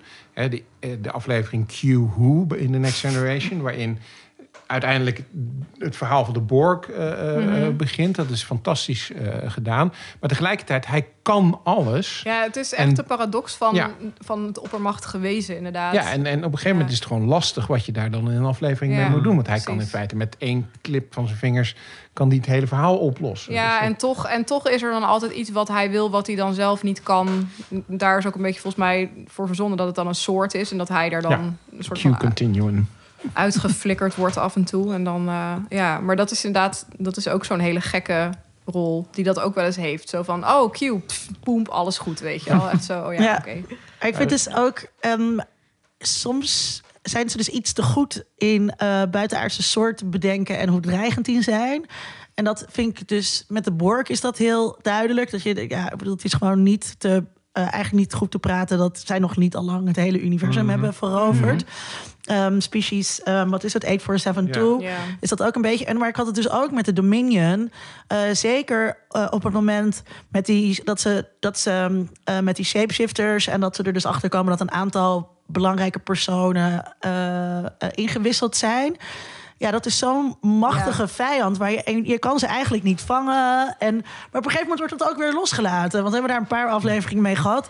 En dan doen we er niks Ja, meer dat vond ik mee. ook heel frustrerend bij die afleveringen dan op aarde. Dat er zijn shapeshifters op aarde.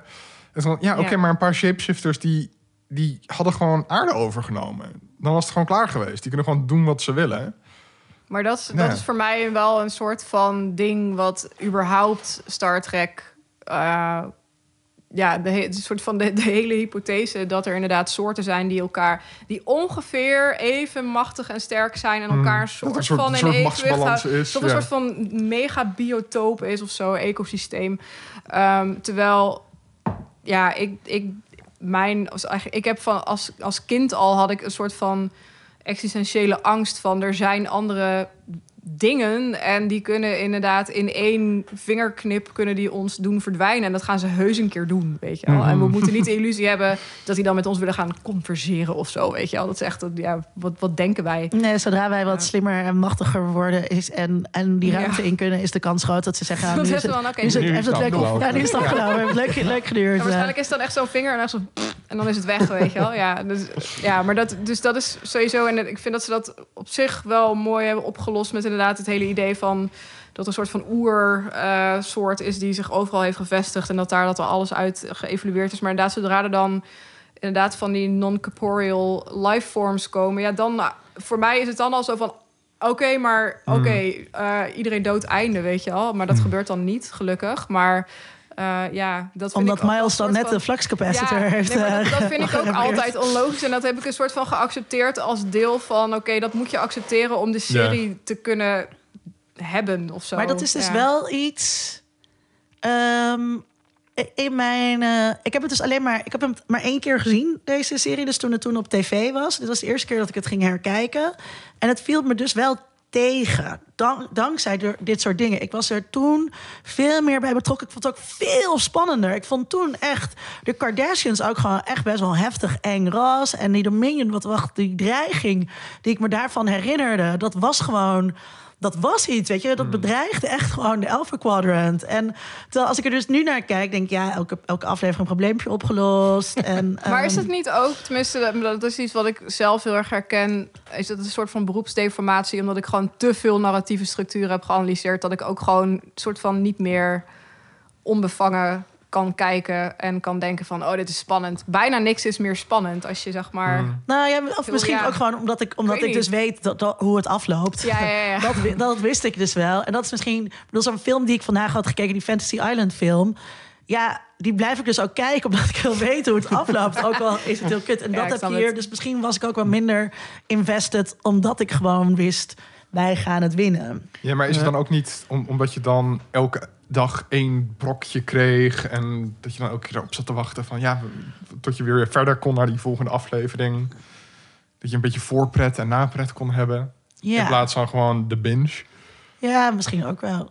Ja. Ja, voor mij was het ook wel zo dat ik denk dat ik. ehm, eh, kijk, in- we- we zijn nu zoveel jaar verder. Wat is het? Twintig jaar verder of zo sinds Mhm. de serie is Mhm. gemaakt. Ehm, in mijn beleving toen was het nogal iets unieks dat er. eh, en zeker in die latere seizoenen toch echt wel een doorlopend verhaal in, eh, in- zat.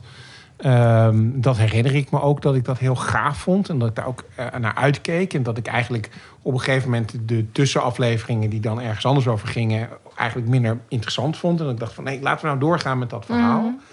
Ehm, terwijl nu als je naar kijkt, is dat iets wat zo normaal is, zo in iedere serie zit, dat het dus niet meer zo bijzonder is. En daardoor het eigenlijk precies nu omgekeerd voor mij was... dat ik af en toe zoiets had van... ik vind juist die losstaande afleveringen leuker. Als inderdaad de Ferengi blijken, de Roswell-crash. Dat is Ja. zo'n leuke aflevering. Ja, of, of, de- of fantastisch, inderdaad met de Tribbles. Dan denk ik... Maar ook met die Ja. Roswell-aflevering... Ja. dat ze dan dus de hele tijd staan te roken... Ja, Ja, ja, ja, ja, ja. met die Ferengi. En ik heb er ook dat dan gewoon... dat ze dan een Universal Translator moeten repareren. Ja, ja, ja. En dat die... Heb je die gekeken, Tom? Nee, niet. Met maar die- ik, heb hem wel voorbij de zien moeite komen. Dus wel, die wil ik eigenlijk nog wel kijken. ja. Sowieso, al die Ferengi-afleveringen zijn gewoon Mm. Ja, heel grappig, vind ja ik. omdat dat ook... Dat is ook de comic relief die Ja. je nodig hebt. En Quark is gewoon... Quark is Ja. fantastisch. Ja, hij en Jeffrey Combs, die, eh die William speelt. En nog Ja. een aantal andere personages. De- En ik vind ook de bromance tussen Quark en Odo... Dat is echt, Mm, ja. That's great. Ja, dat, Dat is is trouwens de enige romance die ik wel kocht. Want ook Odo en Kira... Nee, dat vond ik joh, ook heel raar. hel. Ik wist al, ik had toevallig echt toen ik hem voor, het eerst keek, had ik stom genoeg de Wikipedia-pagina doorgescrolld en had ik zo dat ergens zien staan. En ik zat dus echt zo zes, af, zes seizoenen lang van. "Maar Hoe dan? Er is geen chemie tussen deze twee. En opeens was zo boom, oké. Je kan ook geen chemie Ja. hebben met Odo. Nee, Nee. dat is geen ding. Dat is heel moeilijk. Ja, Maar Ja. ik vond trouwens wel, de, ehm, nog even terugkomend op inderdaad... van wat maakt het dan dat je het nu anders bekijkt. Wat voor mij wel heel erg overeind blijft. Ook als je. Want ik heb die serie denk ik drie jaar geleden gekeken... en nu dus weer. Maar wat gewoon heel erg overeind blijft... ook als je zeg maar dat het hele verhaalelement weglaat... is dat het... eh, sowieso dat de dialogen gewoon... vond ik, vind ik echt heel sterk...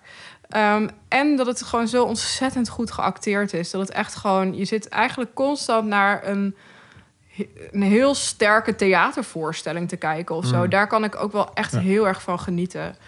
Ehm, Ja. Ook als je gewoon al helemaal weet van... oh, dus deze aflevering gebeurt dit, dit, dit, dit, dit... dan kan ik nog steeds gewoon echt genieten van... wow, maar het is wel echt goed geacteerd. Ja. Dat is ook met die ehm, acteur van Cisco, Avery. Avery Brooks. Ja, is, is ook ac- acteur, Ja, hij is- docent. En Ja. je merkt ook wel dat hij een beetje iets, iets theatraals Ja. erin heeft zitten. En dat, ik- dat waardeer ik ook wel. Dat hij dan soms echt helemaal op kan gaan in die emotie. En Ja. groots kan Ja, spelen. Maar dat vind, vind ik Ehm. bij Picard ook heel erg Mm. wel... eh, ja, echt een Ja, ding. maar bij Avery Brooks is het wel zo dat hij volgens mij in de latere seizoenen steeds meer ruimte krijgt om Mm. dat ook te doen. En ook om, om invloed te hebben op de verhaallijnen. Hè, bijvoorbeeld Far Beyond Stars Ja, is heel duidelijk? Avery Ja. Brooks. Hmm. Die zegt van ik wil dit verhaal nu gewoon maken. Hij heeft volgens mij ook Hij heeft geregisseerd geregie, ja, eh, was die eerste, aflevering. eh, eerste regie, ja. Ehm, en dat is goed dat ze hem die ruimte geven, omdat hij zo bijzonder is. Als je hem, eh, hij houdt zich nog heel erg in Mhm. in eh, Deep Space Nine. Want als je hem in interviews daarbuiten ziet, het is, het is heel vaag. Hij gaat al alle kanten op en het is heel metafysisch en filosofisch. En het is heel gaaf om te zien. Ehm, en, en nogmaals, ook heel goed dat die die invloeden van hem dus ook ruimte hebben gekregen in die serie. Maar hij houdt zich echt nog in in de, in, in de serie als Captain Cisco. Is die, is die echt een stuk En dat, maar dat zie je ook aan Ja. hem. En dat vind ik zo. Maar hij heeft al best wel veel ruimte. Maar je ziet dat er echt nog een soort van mega veel Ja. ingehouden wordt. Wat er nog.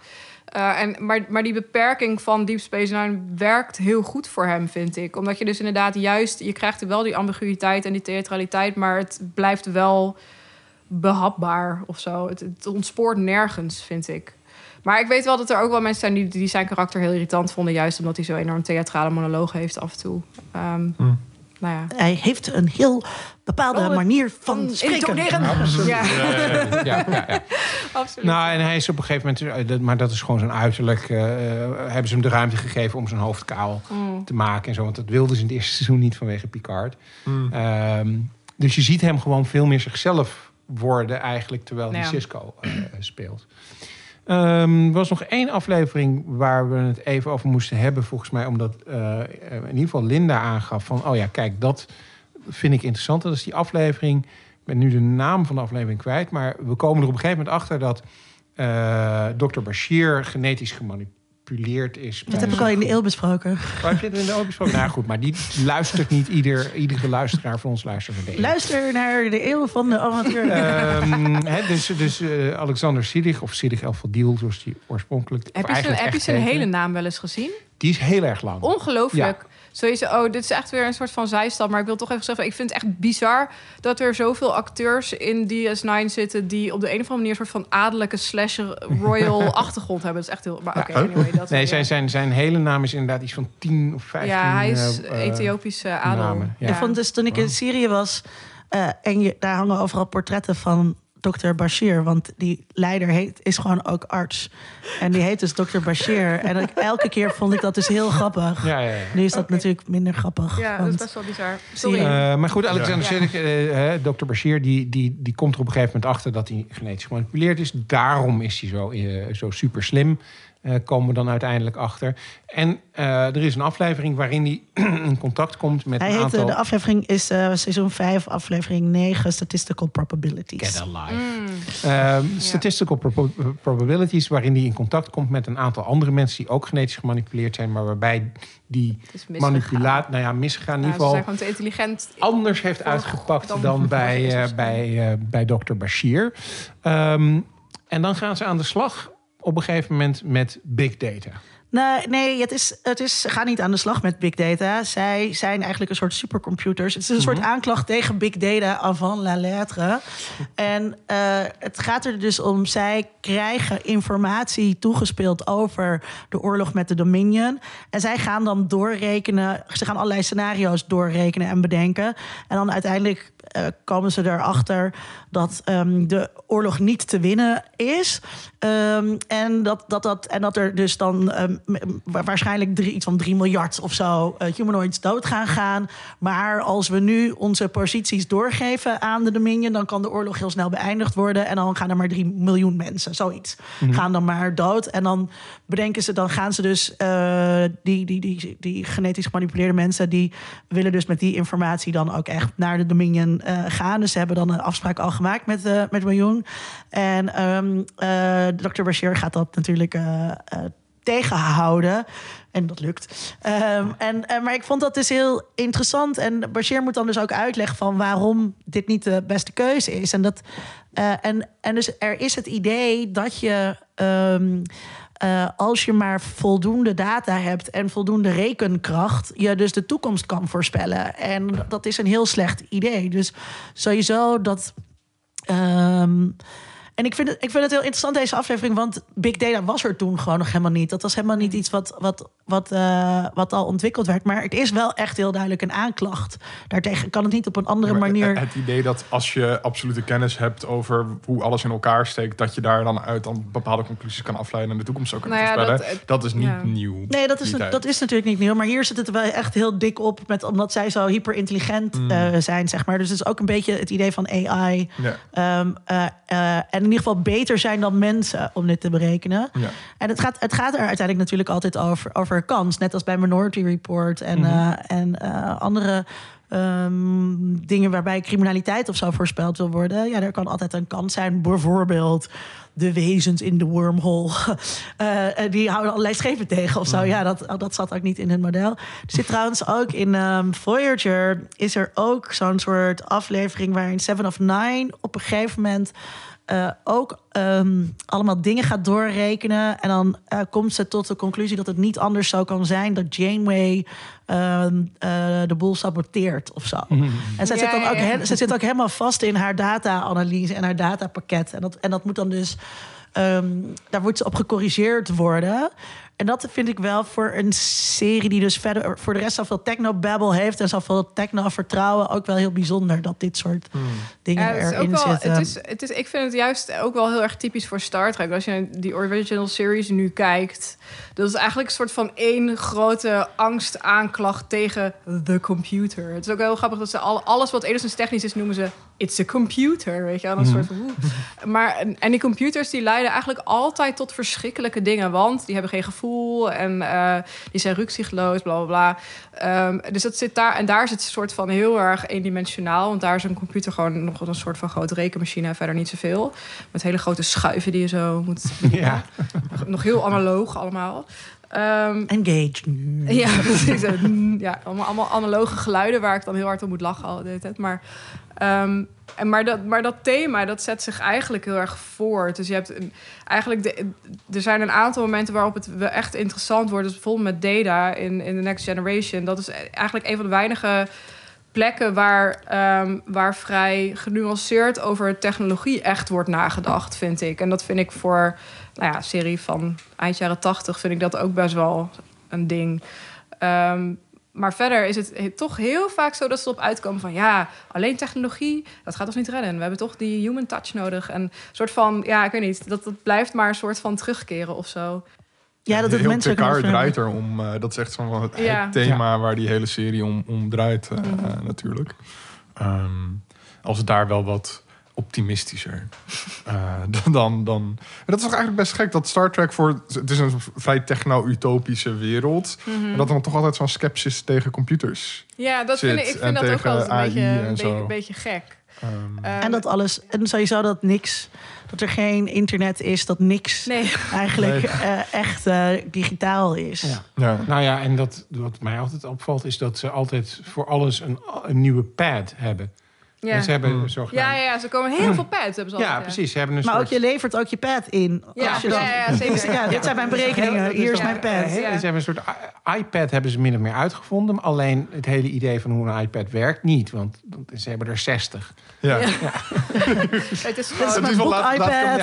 van mijn pad naar jouw pad sturen. Ja, nee, het is gewoon een digitaal papiertje. Ja. Blijft het. Ja, en, Maar het, zijn- het is letterlijk papier, want het zijn gewoon stukjes eh, hout... waar een Ja, ja, stukje ja. papier opgeplakt is. Maar goed, dat, Maar, maar ook dat je, eh, je moet voor altijd moet je voor alles naar een nieuw panel. Eh, Ja. eh, eh, ook Ja. op zo'n op zo'n brug. klopt. Ja, je kan, je kan niet zeg maar ehm, de thrusters, eh, die kan je niet Nee. bedienen zeg maar vanaf het communications panel. Nee, maar dat is eigenlijk pas in Discovery dat ze daar echt een beetje een soort van eh, over na beginnen te denken. Maar sowieso, eh, als je dan, als je zeg maar nu naar de original series kijkt, dan is er nog alles op papier, weet je wel. Dus het hele idee van, oh ja, op een gegeven moment gaan we dingen niet op papier doen, is daar nog helemaal niet ingedaald of zo. Mm. Dus het, eh, ja, het is heel maf hoe het dan soort, hoe het een soort van meegroeit.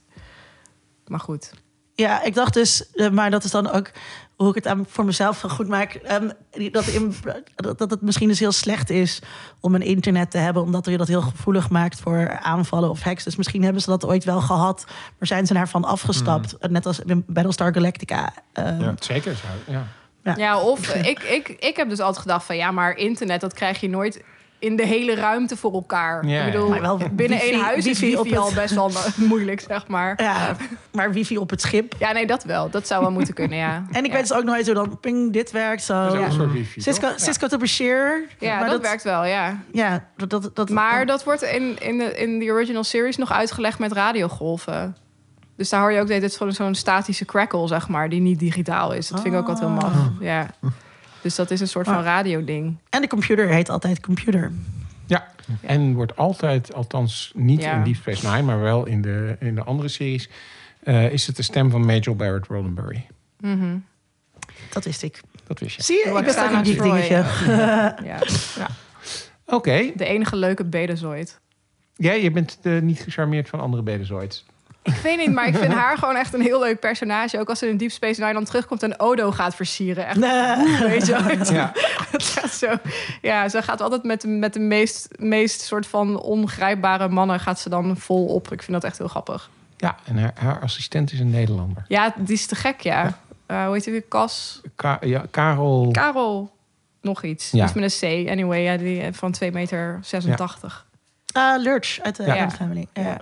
Oké, zijn er nog eh, onderwerpen eh, ten aanzien van Deep Space Nine of Star Trek die we niet besproken hebben? Want volgens mij zijn we redelijk al door onze thema's. Nou, heen. ik wil nog wel iets, eh, ja. iets ter tafel brengen. Zeker. Over journalistiek en de pers. ja. Want op een gegeven moment, Jake, Jake. wil natuurlijk eh, journalist worden. En dat is volgens mij zo'n beetje de enige keer ooit in Star Trek dat het gaat over, media, over. Ja. over Mhm. de pers. En dat is eigenlijk iets wat helemaal niet... Nou, behalve als, als Neelix zijn eigen tv-programma wil maken. Oh god. Maar dat is echt... Sorry, ik vind Neelix echt heel vervelend. Ja, ik ook. Iedereen, denk ik. Maar, niemand, maar dit is ook, ze hebben natuurlijk wel- holodecks of zo. Dus ik, dat Ja. is ook zo'n beetje de enige vorm van entertainment die, die er is. En dan kijken ze misschien een oude film, maar zelf kijken ze ook nooit tv. Nee. Er zijn geen kranten. Nee. Ehm, eh, Er is geen nieuwsgaring of Nee. whatever. Nee, helemaal niks. voor een serie die zo progressief is, is dat wel gek. Ik denk dat maar dat is gewoon niet meer nodig, want het de samenleving is af. De geschiedenis is voorbij. Maar ja, ja, Waarom zou- waar, waar zou je het überhaupt nog over kunnen hebben? Dingen op aarde zijn nog steeds goed.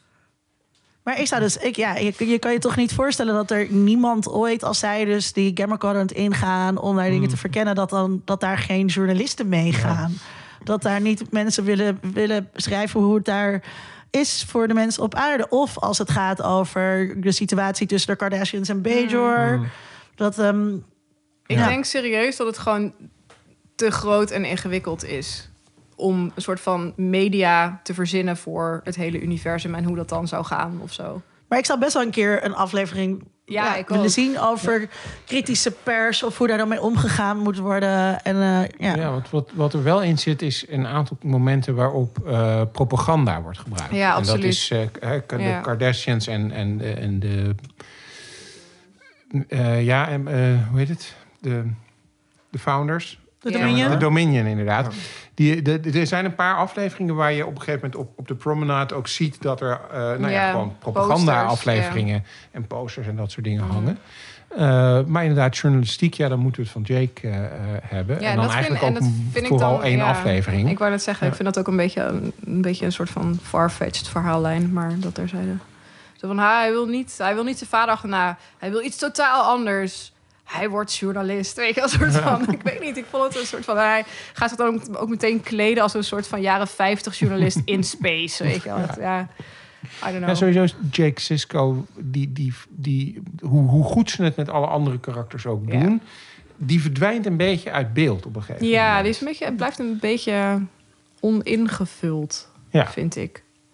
Die hangt er af en toe een beetje bij. Zijn functie is vooral in relatie tot zijn vader. Dus dat zijn vader een vader moet zijn Mhm. of zo. Mhm. En eh, eh, dat, het er, dat er een gezin moet zijn. Maar verder vind ik hem...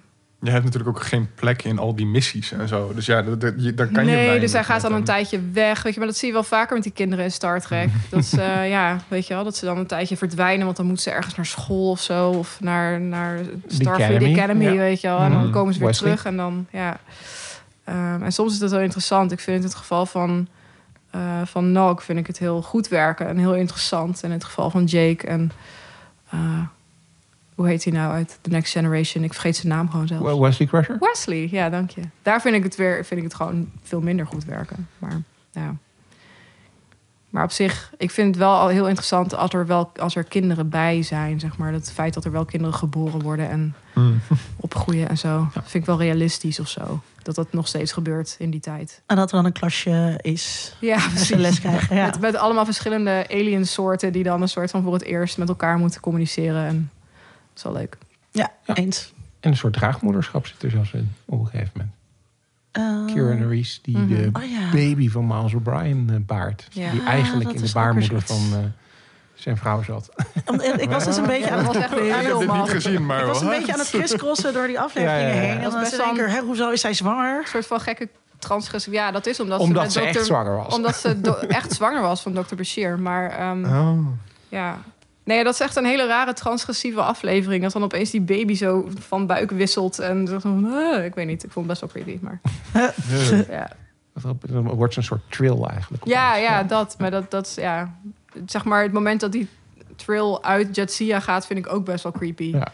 Dat is heel creepy. Ja, dat vind ik ook echt een soort van... hmm, ik weet niet. Want het is ook echt wat je je voorstelt bij een parasiet. ja, zeg maar. dat is het ook gewoon. En een beetje ook een soort... wormachtig wezen. Ja, Ja, het is heel toch? smerig. Echt Ja. heel vies. En dat moet dan in, in jou... Ja, ik weet niet. Ik krijg toch een beetje van die alien Ja, vibes. Ja, dat zat er heel, erg in. Ja. Maar, de- maar ook dus de trails is ook wel een soort waar ik veel meer over te weten had willen komen. Ik ben zo blij Oh, ja, dat ga vertel maar. Ja. Dat ze terugkomen in Discovery Ja. in seizoen Oh. 3. Ah.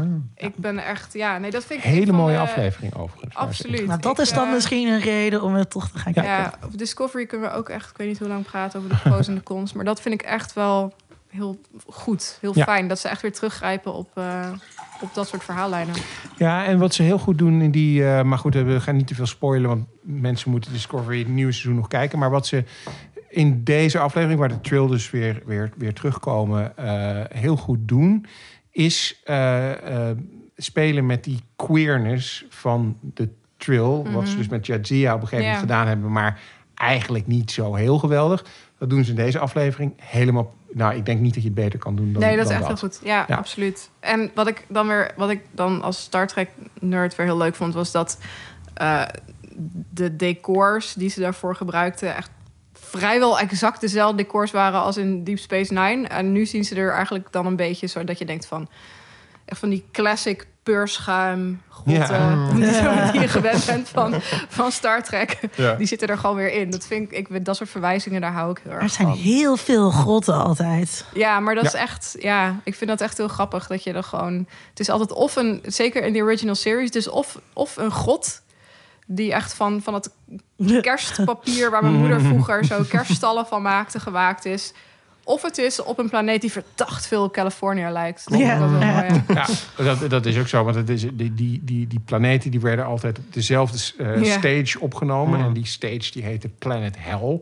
Want dat was iedere werd het heel warm. Een andere, Ja. ja. Ja, een andere planeet en het werd heel warm. En, het lijkt inderdaad op Californië. Omdat dat, dat, je hebt die bekende TMZ. Hè, de, wat is Mm. het? 30 Mile Zone. Mm. Rondom, daar is dat programma ook naar genoemd. Rondom Oh. eh, Hollywood. En daarbinnen, als je alles ja. opneemt binnen die zone... hoef je niet extra te betalen. Dus vandaar dat alles op elkaar lijkt.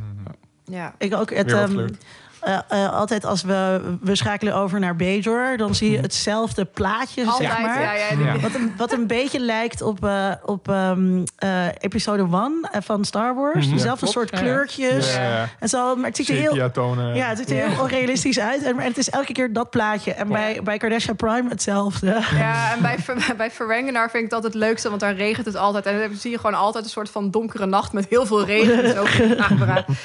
Dat vind ik het wel om lachen. Ik denk dat we alles wel een beetje Ja? besproken hebben over Deep Space Nine.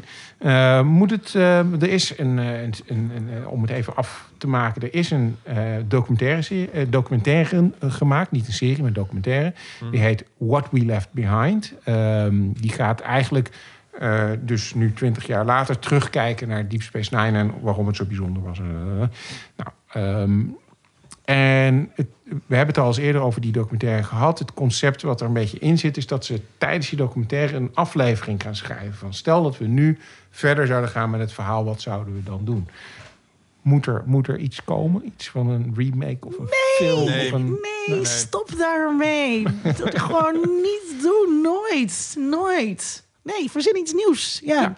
Ja. Dat, dat, eh, Ik vind op zich, ja, nee, verzin zeker iets nieuws. Maar ik, ik zou het wel heel fijn vinden als er, wel, als er zeg maar, eh, weer een keer een Star Trek-serie komt... die wel gewoon iets minder een soort van emotionele crack is of zo. Want ik, ik, ik hou het gewoon emotioneel niet bij Discovery. Dat is Ja. mijn grootste... Ik oh. Dus dat er gewoon dat ze weer een keer dat ze wel een beetje teruggrijpen op dat iets klassiekere gewoon lucht, iets meer afleveringen. Ja. Ja, Eh, Discovery, dat zou ik wel fijn vinden. Discovery is inderdaad emotioneel intens. Is heel erg woke. Ja, en Eh, daarom, Wat op zich heel goed is, maar het is wel heel erg woke. ja, en daarom komt het ook bijna niet meer binnen of zo. Omdat het wordt soms gewoon... Dan schakel ik gewoon een soort van uit. Ja, daarom ben ik ermee mee gestopt. Ik vond het gewoon, de date met een niks meer. En ik vond het... eh, ehm, ja, nee, ja. Ja, ik vind, Seizoen het, toch, ik drie. vind het toch wel echt... Seizoen Ik vind het heel leuk hoor. Daar, ik ik Maar- kijk het echt heel graag. Maar En wa- wat we Dat, heel eh, erg hadden, volgens mij, was dat het tempo de hele tijd zo wisselde. Dat dat Mm. ook een ding was. En ik zou, maar ik zou dus graag inderdaad weer een Star Trek-serie zien. Ehm, waar ze wel weer standalone afleveringen gaan maken. En ze één avontuur op een planeet met een ja, god gewoon die, beleven. echt die karakters gewoon lekker uitdiepen. Uitgesmeerd over 3600 afleveringen. Ik, ik weet niet of studio's daar nu nog, of eh, netwerken daar nu nog in geloven. In, Maar in ik dat vond soort dat is tv. Dat is niet wat, waar je prestige tv van Maar dat is dus wel wat de Mandalorian ook eh. Ja, misschien nu wel. Je hebt Ja. één, eh, één ding wat over, over, eh, over meerdere afleveringen loopt. En voor de rest waren dat ook best wel... oké, Mhm. we gaan nu hier een avontuur beleven. En was het dan we ook gaan weer nu daar één, een één per avontuur. week, zeg Ja. maar? Ja. Oké, want dat is vind ik vaak nu zo'n ding zo van dat je dan inderdaad gewoon in één keer al die afleveringen kijkt. Terwijl wat ik zo lekker vind aan Star Trek is dat je gewoon prima één per dag of per week of per maand kan kijken en dat het dan ook oké is. Ik zo. vond dit dus heel lekker huiswerk. eh, omdat... eh, eh, eh, ja, soms wil ik gewoon ook iets. Dus ik begrijp ook heel goed dat jij dus altijd Star Trek kijkt. Soms wil ik gewoon ook iets erbij kijken of zo. Waar ik dus niet heel veel moeite voor hoef te doen. Dus Ja. gewoon nou lekker, oké, ik ga even eten. En dan zet ik even dit aan. En dan Mm. val ik in een aflevering. Of tenminste, dan was ik nog niet klaar de vorige keer. Maar dat maakt het niet uit. Nee, Oh ja, je hier kan ook waren gewoon we. even op Twitter kijken tegelijkertijd. Ja, Of precies. CNN, zeg maar, Ja. deze week dan. Maar. Ja, dus misschien ga ik nu wel... Misschien moet ik dan toch eens die original series gaan gewoon. GTST. Dat, eh Nou, die- dat werkte bij mij heel goed. ja, maar- ja. Eh, de original series is, is eh, verbazingwekkend goed te kijken, omdat ze die eh, echt helemaal ge, hoe noem je dat? Ge, Geremasterd hebben. geremasterd hebben. Met, ook met special effects erbij, waardoor het dus minder het is- cringy wordt. Ja, maar juist dat cringy vind ik ook Is wel ook- heeft ook wat, ja. Ja. ik vind het heel... Ik kijk het met mijn, mijn beste vriendinnen kijken we al Mhm. sinds het begin van de lockdown... omdat we elkaar niet meer kunnen zien. Mm. Kijken we iedere week één aflevering van de original series... en dan, en dan zitten we gewoon te chatten met elkaar. En het is echt... Het is hy- hysterisch leuk Ja. om het te analyseren nu. Mm. En eh, juist om al die cringy dingen, weet je, als van... oh, is dit met deze alien, met die poedel met twee, Ja. twee stukken ijzerdraad aan zijn oor, weet je wel. Ja, dat, ik weet niet, ik vind dat juist wel een soort van de snoepjes uit die serie of zo. Nice. Lijkt mij ook. In a world. In a world. World. World. World. In a world. Zoals iedere aflevering eh, sluiten we ook deze aflevering af met onze vooruitblik. Zijn er dingen waar we naar uitkijken in deze periode van lockdown en eh, gesloten cafés en eh, eh, veel tijd om voor de buis te zitten? Oh ja, mag het ook een boek zijn? Mag Zeker. alles zijn. Mag Oh, ja, alles zijn. Ik eh, ben heel benieuwd naar een nieuwe roman van Marieke Lucas Schijneveld. Mm. Ehm, ja, hij krijgt waanzinnige recensies. Daar word ik zelf altijd een beetje eh zagrijnig van. Want dan ik, altijd heel, ik ben dan altijd heel bang dat ik het niet zo... dat ik het dan iets minder goed vind dan al die verschrikkelijk goede recensies of zo. Dat is ook met series ook altijd. Ik begin vrijwel nooit aan een serie als hij echt alleen... als hij echt een 9,8 op IMDb Ik ga, heeft. ik ga altijd dan in de tegenmodus. Ja, ik vind dat heel moeilijk om dan een houding te verzinnen voor mezelf. Ehm, maar ja, maar goed, ik, ik, bedoel, ik, ik vind uh, Marieke Lucas gewoon te gek. En eh, ik, ben, ja, ik ben heel benieuwd. Dus ik eh, ga het wel gewoon meteen lezen. Wanneer komt die uit? Hij is net uit. Oh, hij is net. Hij is vorige week uit. Nee, ja, 5 november is hij En uitgekomen. hoe heet die, weet je? Eh, mijn lieve gunsteling. Mijn lieve gunsteling. Ja, het zijn wel altijd weer van die titels. wel, wel een titel, ja. Ja. Ja. Tom, waar kijk jij naar uit? Ehm, ik sneak hier iets wat ik ook eigenlijk in mijn terugblik had. Ook weer Mhm. hier naartoe. Ehm, en waar we het net al over hadden. Mandalorian. Ja. Eh, hebben we het eigenlijk helemaal nog niet over gehad... over wat we van die eerste twee afleveringen Ik heb ze vonden? nog niet gezien. Oh, ga dat doen, is Oeh, leuk. Ze zijn goed. Eh, ja, ja, echt- dat was ook mijn, mijn week. ja. Ehm, sorry, het spijt me dat ik niet. deze nu van je Ik, jat. ik geef er wel een draai aan. Zo. Oké. Ehm, maar die eerste twee zijn hartstikke leuk. En het is gewoon weer precies van net wat jij zegt van elke week een avontuurtje. Mhm. En ik weet niet waarom bij Mandalorian klikt dat dan toch wel voor me of zo. Ehm daar kan ik dan ook dat echt naar hebben sommige uitkijken. mensen gewoon met Star Wars. Dat is altijd een Ja. beetje... Ik heb dat dus met Star Wars niet. Ah, Dat vinden mensen altijd heel gek. Maar ik heb Mandalorian heb ik nog niet gekeken. Ik ben daar op zich wel leuk. benieuwd naar. Want, En, en Baby ja. Yoda. Ja, daarom. Maar dat is op zich, die vind ik dan wel weer heel cute. Dus, Ja. ja. Baby Yoda maakt het wel. Ja. en nu Frog Lady. Frog. Lady is great. Ehm, nee, het is gewoon weer heel tof. Avontuurtje van de week. Allemaal weer prachtig Amy gedaan. Sedaris zit er weer in. Wie? Amy Sedaris. Mm. De zus van David Sedaris. Dat is eh, eh, mevrouw eh, op eh, Tatooine. Oh, Die, met eh, grote bos ja. haar die paniek doet de hele tijd. Ja, ja, haar vind ik wat minder leuk. Ehm, nee, en ik merk ook nu, omdat ik nu na de vorige eh, seizoen Mandalorian was helemaal... Oh, ze hebben die nieuwe technologie, dat ze geen greenscreen gebruiken. En nu ben ik daar dus de hele tijd op aan het letten. Ehm, en zit ik ook echt van, oh ja, dit ziet er echt beter uit. Ja, ook omdat Hoe Ze hebben ehm, eh, gewoon schermen op de achtergrond... Eh, waarop eh, de omgeving al geprojecteerd wordt. Oh, Dus right. de CGI komt niet achteraf, van- maar die genereren ze vooraf. En als de camera beweegt, dan beweegt die achtergrond daarbij mee, zodat het perspectief blijft kloppen. Ja, Maar dan heb je dus- game technologie gebruiken. Ja, Ja, ja, ja. eh, maar daarmee krijg je dus dat de Mandalorian heeft een soort heel shiny metalen pak eh, eh, aan de hele tijd.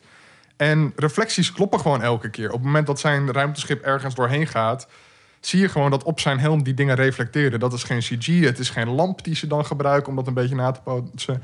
Nee, het is echt die omgeving. En merk je ook, want dat vind ik aan CGI altijd best wel lastig, dat je gewoon zeg maar merkt dat, dat acteurs gewoon in een soort van in het luchtledige staan te acteren. Merk je daar ook verschil in? Dat ze zeg maar meer echt.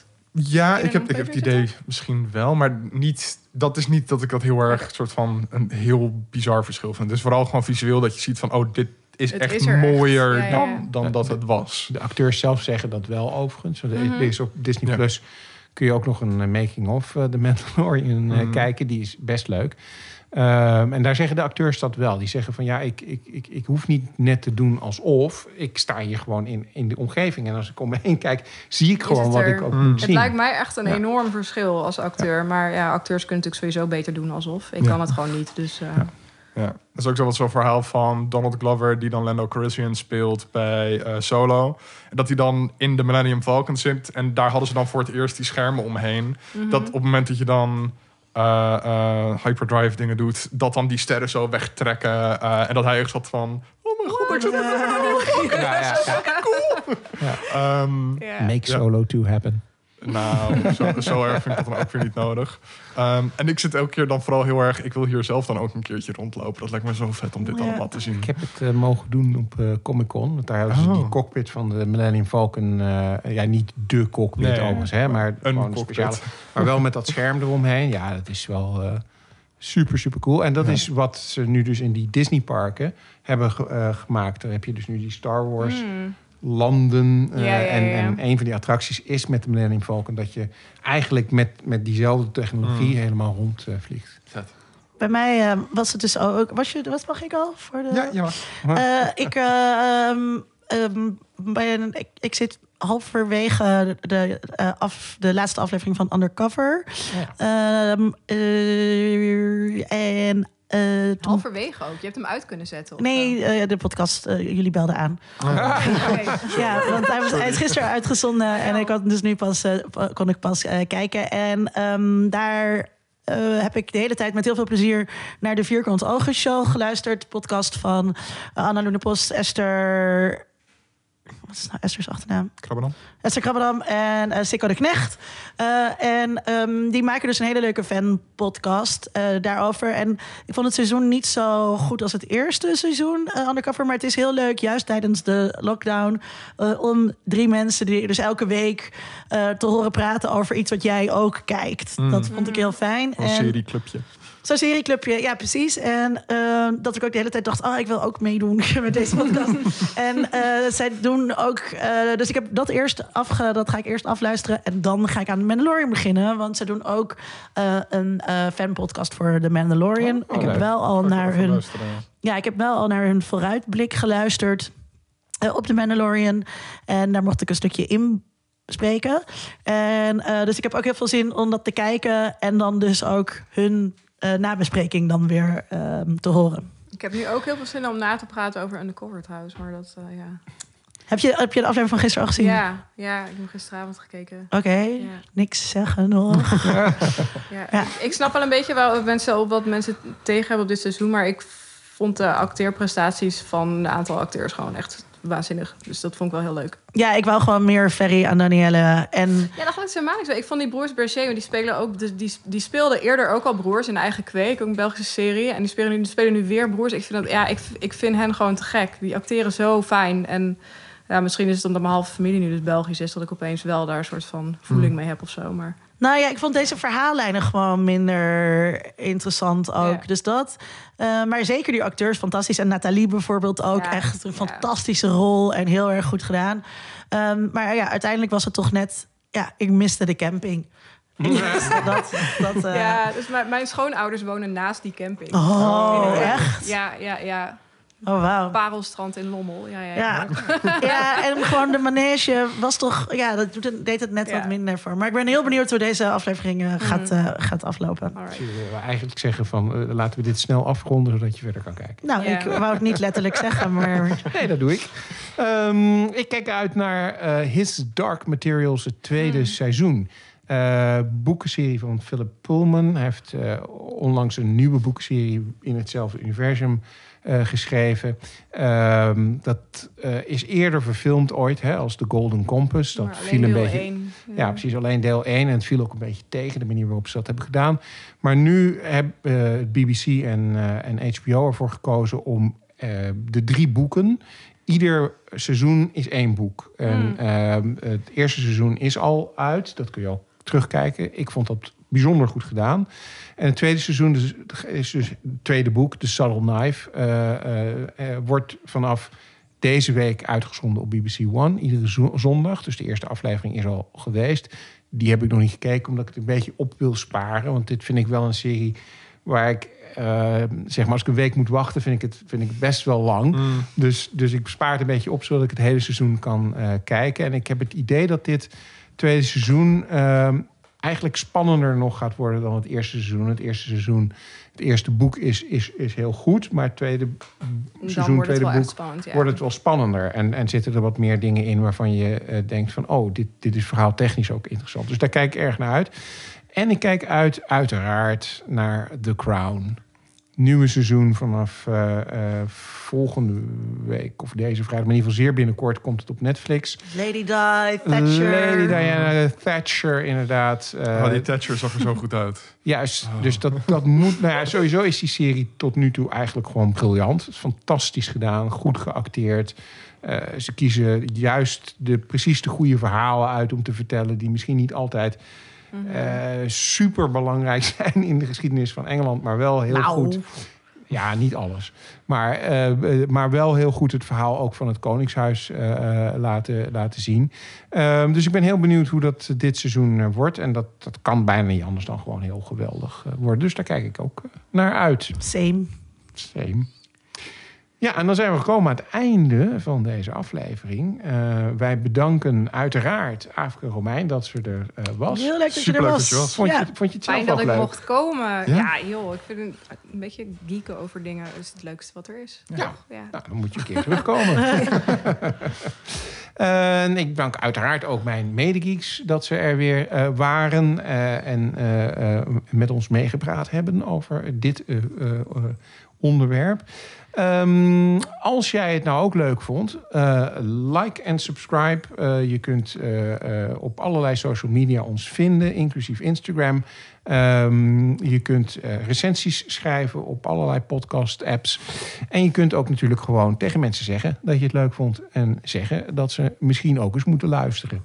Eh, je kunt zelfs Patreon eh, worden. Eh, Tom eh, kan ons heel goed vertellen, want die naam heb ik nu natuurlijk niet paraat, wie op dit moment al Patreon zijn. Eh, en als je Patreon wordt, dan kan je de volgende Nee. aflevering. Ik denk, kijk, Oh, wacht de mensen, sorry. als je dus nu je naam wilt horen, Ja, we hebben, Zoals Mark de Groot en Rona Bosman. Precies. dan, eh, moet je een de- bepaald soort Patreon. Precies, dan moet je een bepaald bedrag eh, moet je dan betalen. En dan heb je de eeuwige roem dat je genoemd wordt in onze aflevering. Als je een iets, ietsjes lager bedrag eh, betaalt, dan mag je onze afleveringen eerder luisteren dan de gewone sterveling, Ja. die daar pas op zaterdag eh, eh, aan toe komt. ja. Ehm, de volgende keer gaan we het hebben over een, eh, een bijzondere film. Eh, namelijk The Princess Bride. En, eh, Zoveel zin in. ja, eh it's inconceivable dat we het daar eindelijk over gaan hebben. Zo lang heeft het geduurd voordat we het daarover gaan hebben. Welke gast wish. neemt dit mee? Eh, Flora Woudstra. Flora Woudstra. Nee, we, hadden, we hebben eh, ge- gebrainstormd over eh, mogelijke films en eh, series. En, eh, eh, en dus ook deze. En ik kijk dus heel graag ehm, dit soort films. Ik kijk sowieso heel veel onzin romcoms als ik brak ben. En dan, ehm, dus mijn Netflix is ook heel grappig. Dus ik kijk zeg maar alle kwaliteitsseries. Eh, dus dat wordt allemaal aanbevolen. En dan echt, weet je, honderd slechte films. Oh ja, dat is Kijk, ik- ook zo, ja. Ik kijk heel, sowieso heel weinig Slechte goede films, zeg maar. Dat ik kijk nooit ja, van die dingen die dan in Cinecenter hebben gedraaid. Dat ga ik dan nooit meer kijken, maar wel Maar eh, dit dit, wel. soort dingen. Ja, en eh, en eh, Flora, die leek het heel leuk om de, deze te doen. ja, en er zit een, een, een Star Trek Deep Space Nine connectie in. Want de Grand Negus zit in deze film. Mm, ja, dat is ook wel een heel interessant figuur trouwens. Ja. Zeker. Dus, volgende keer Princess Bride. Bedankt voor het luisteren. Dit was Kiki Dingen.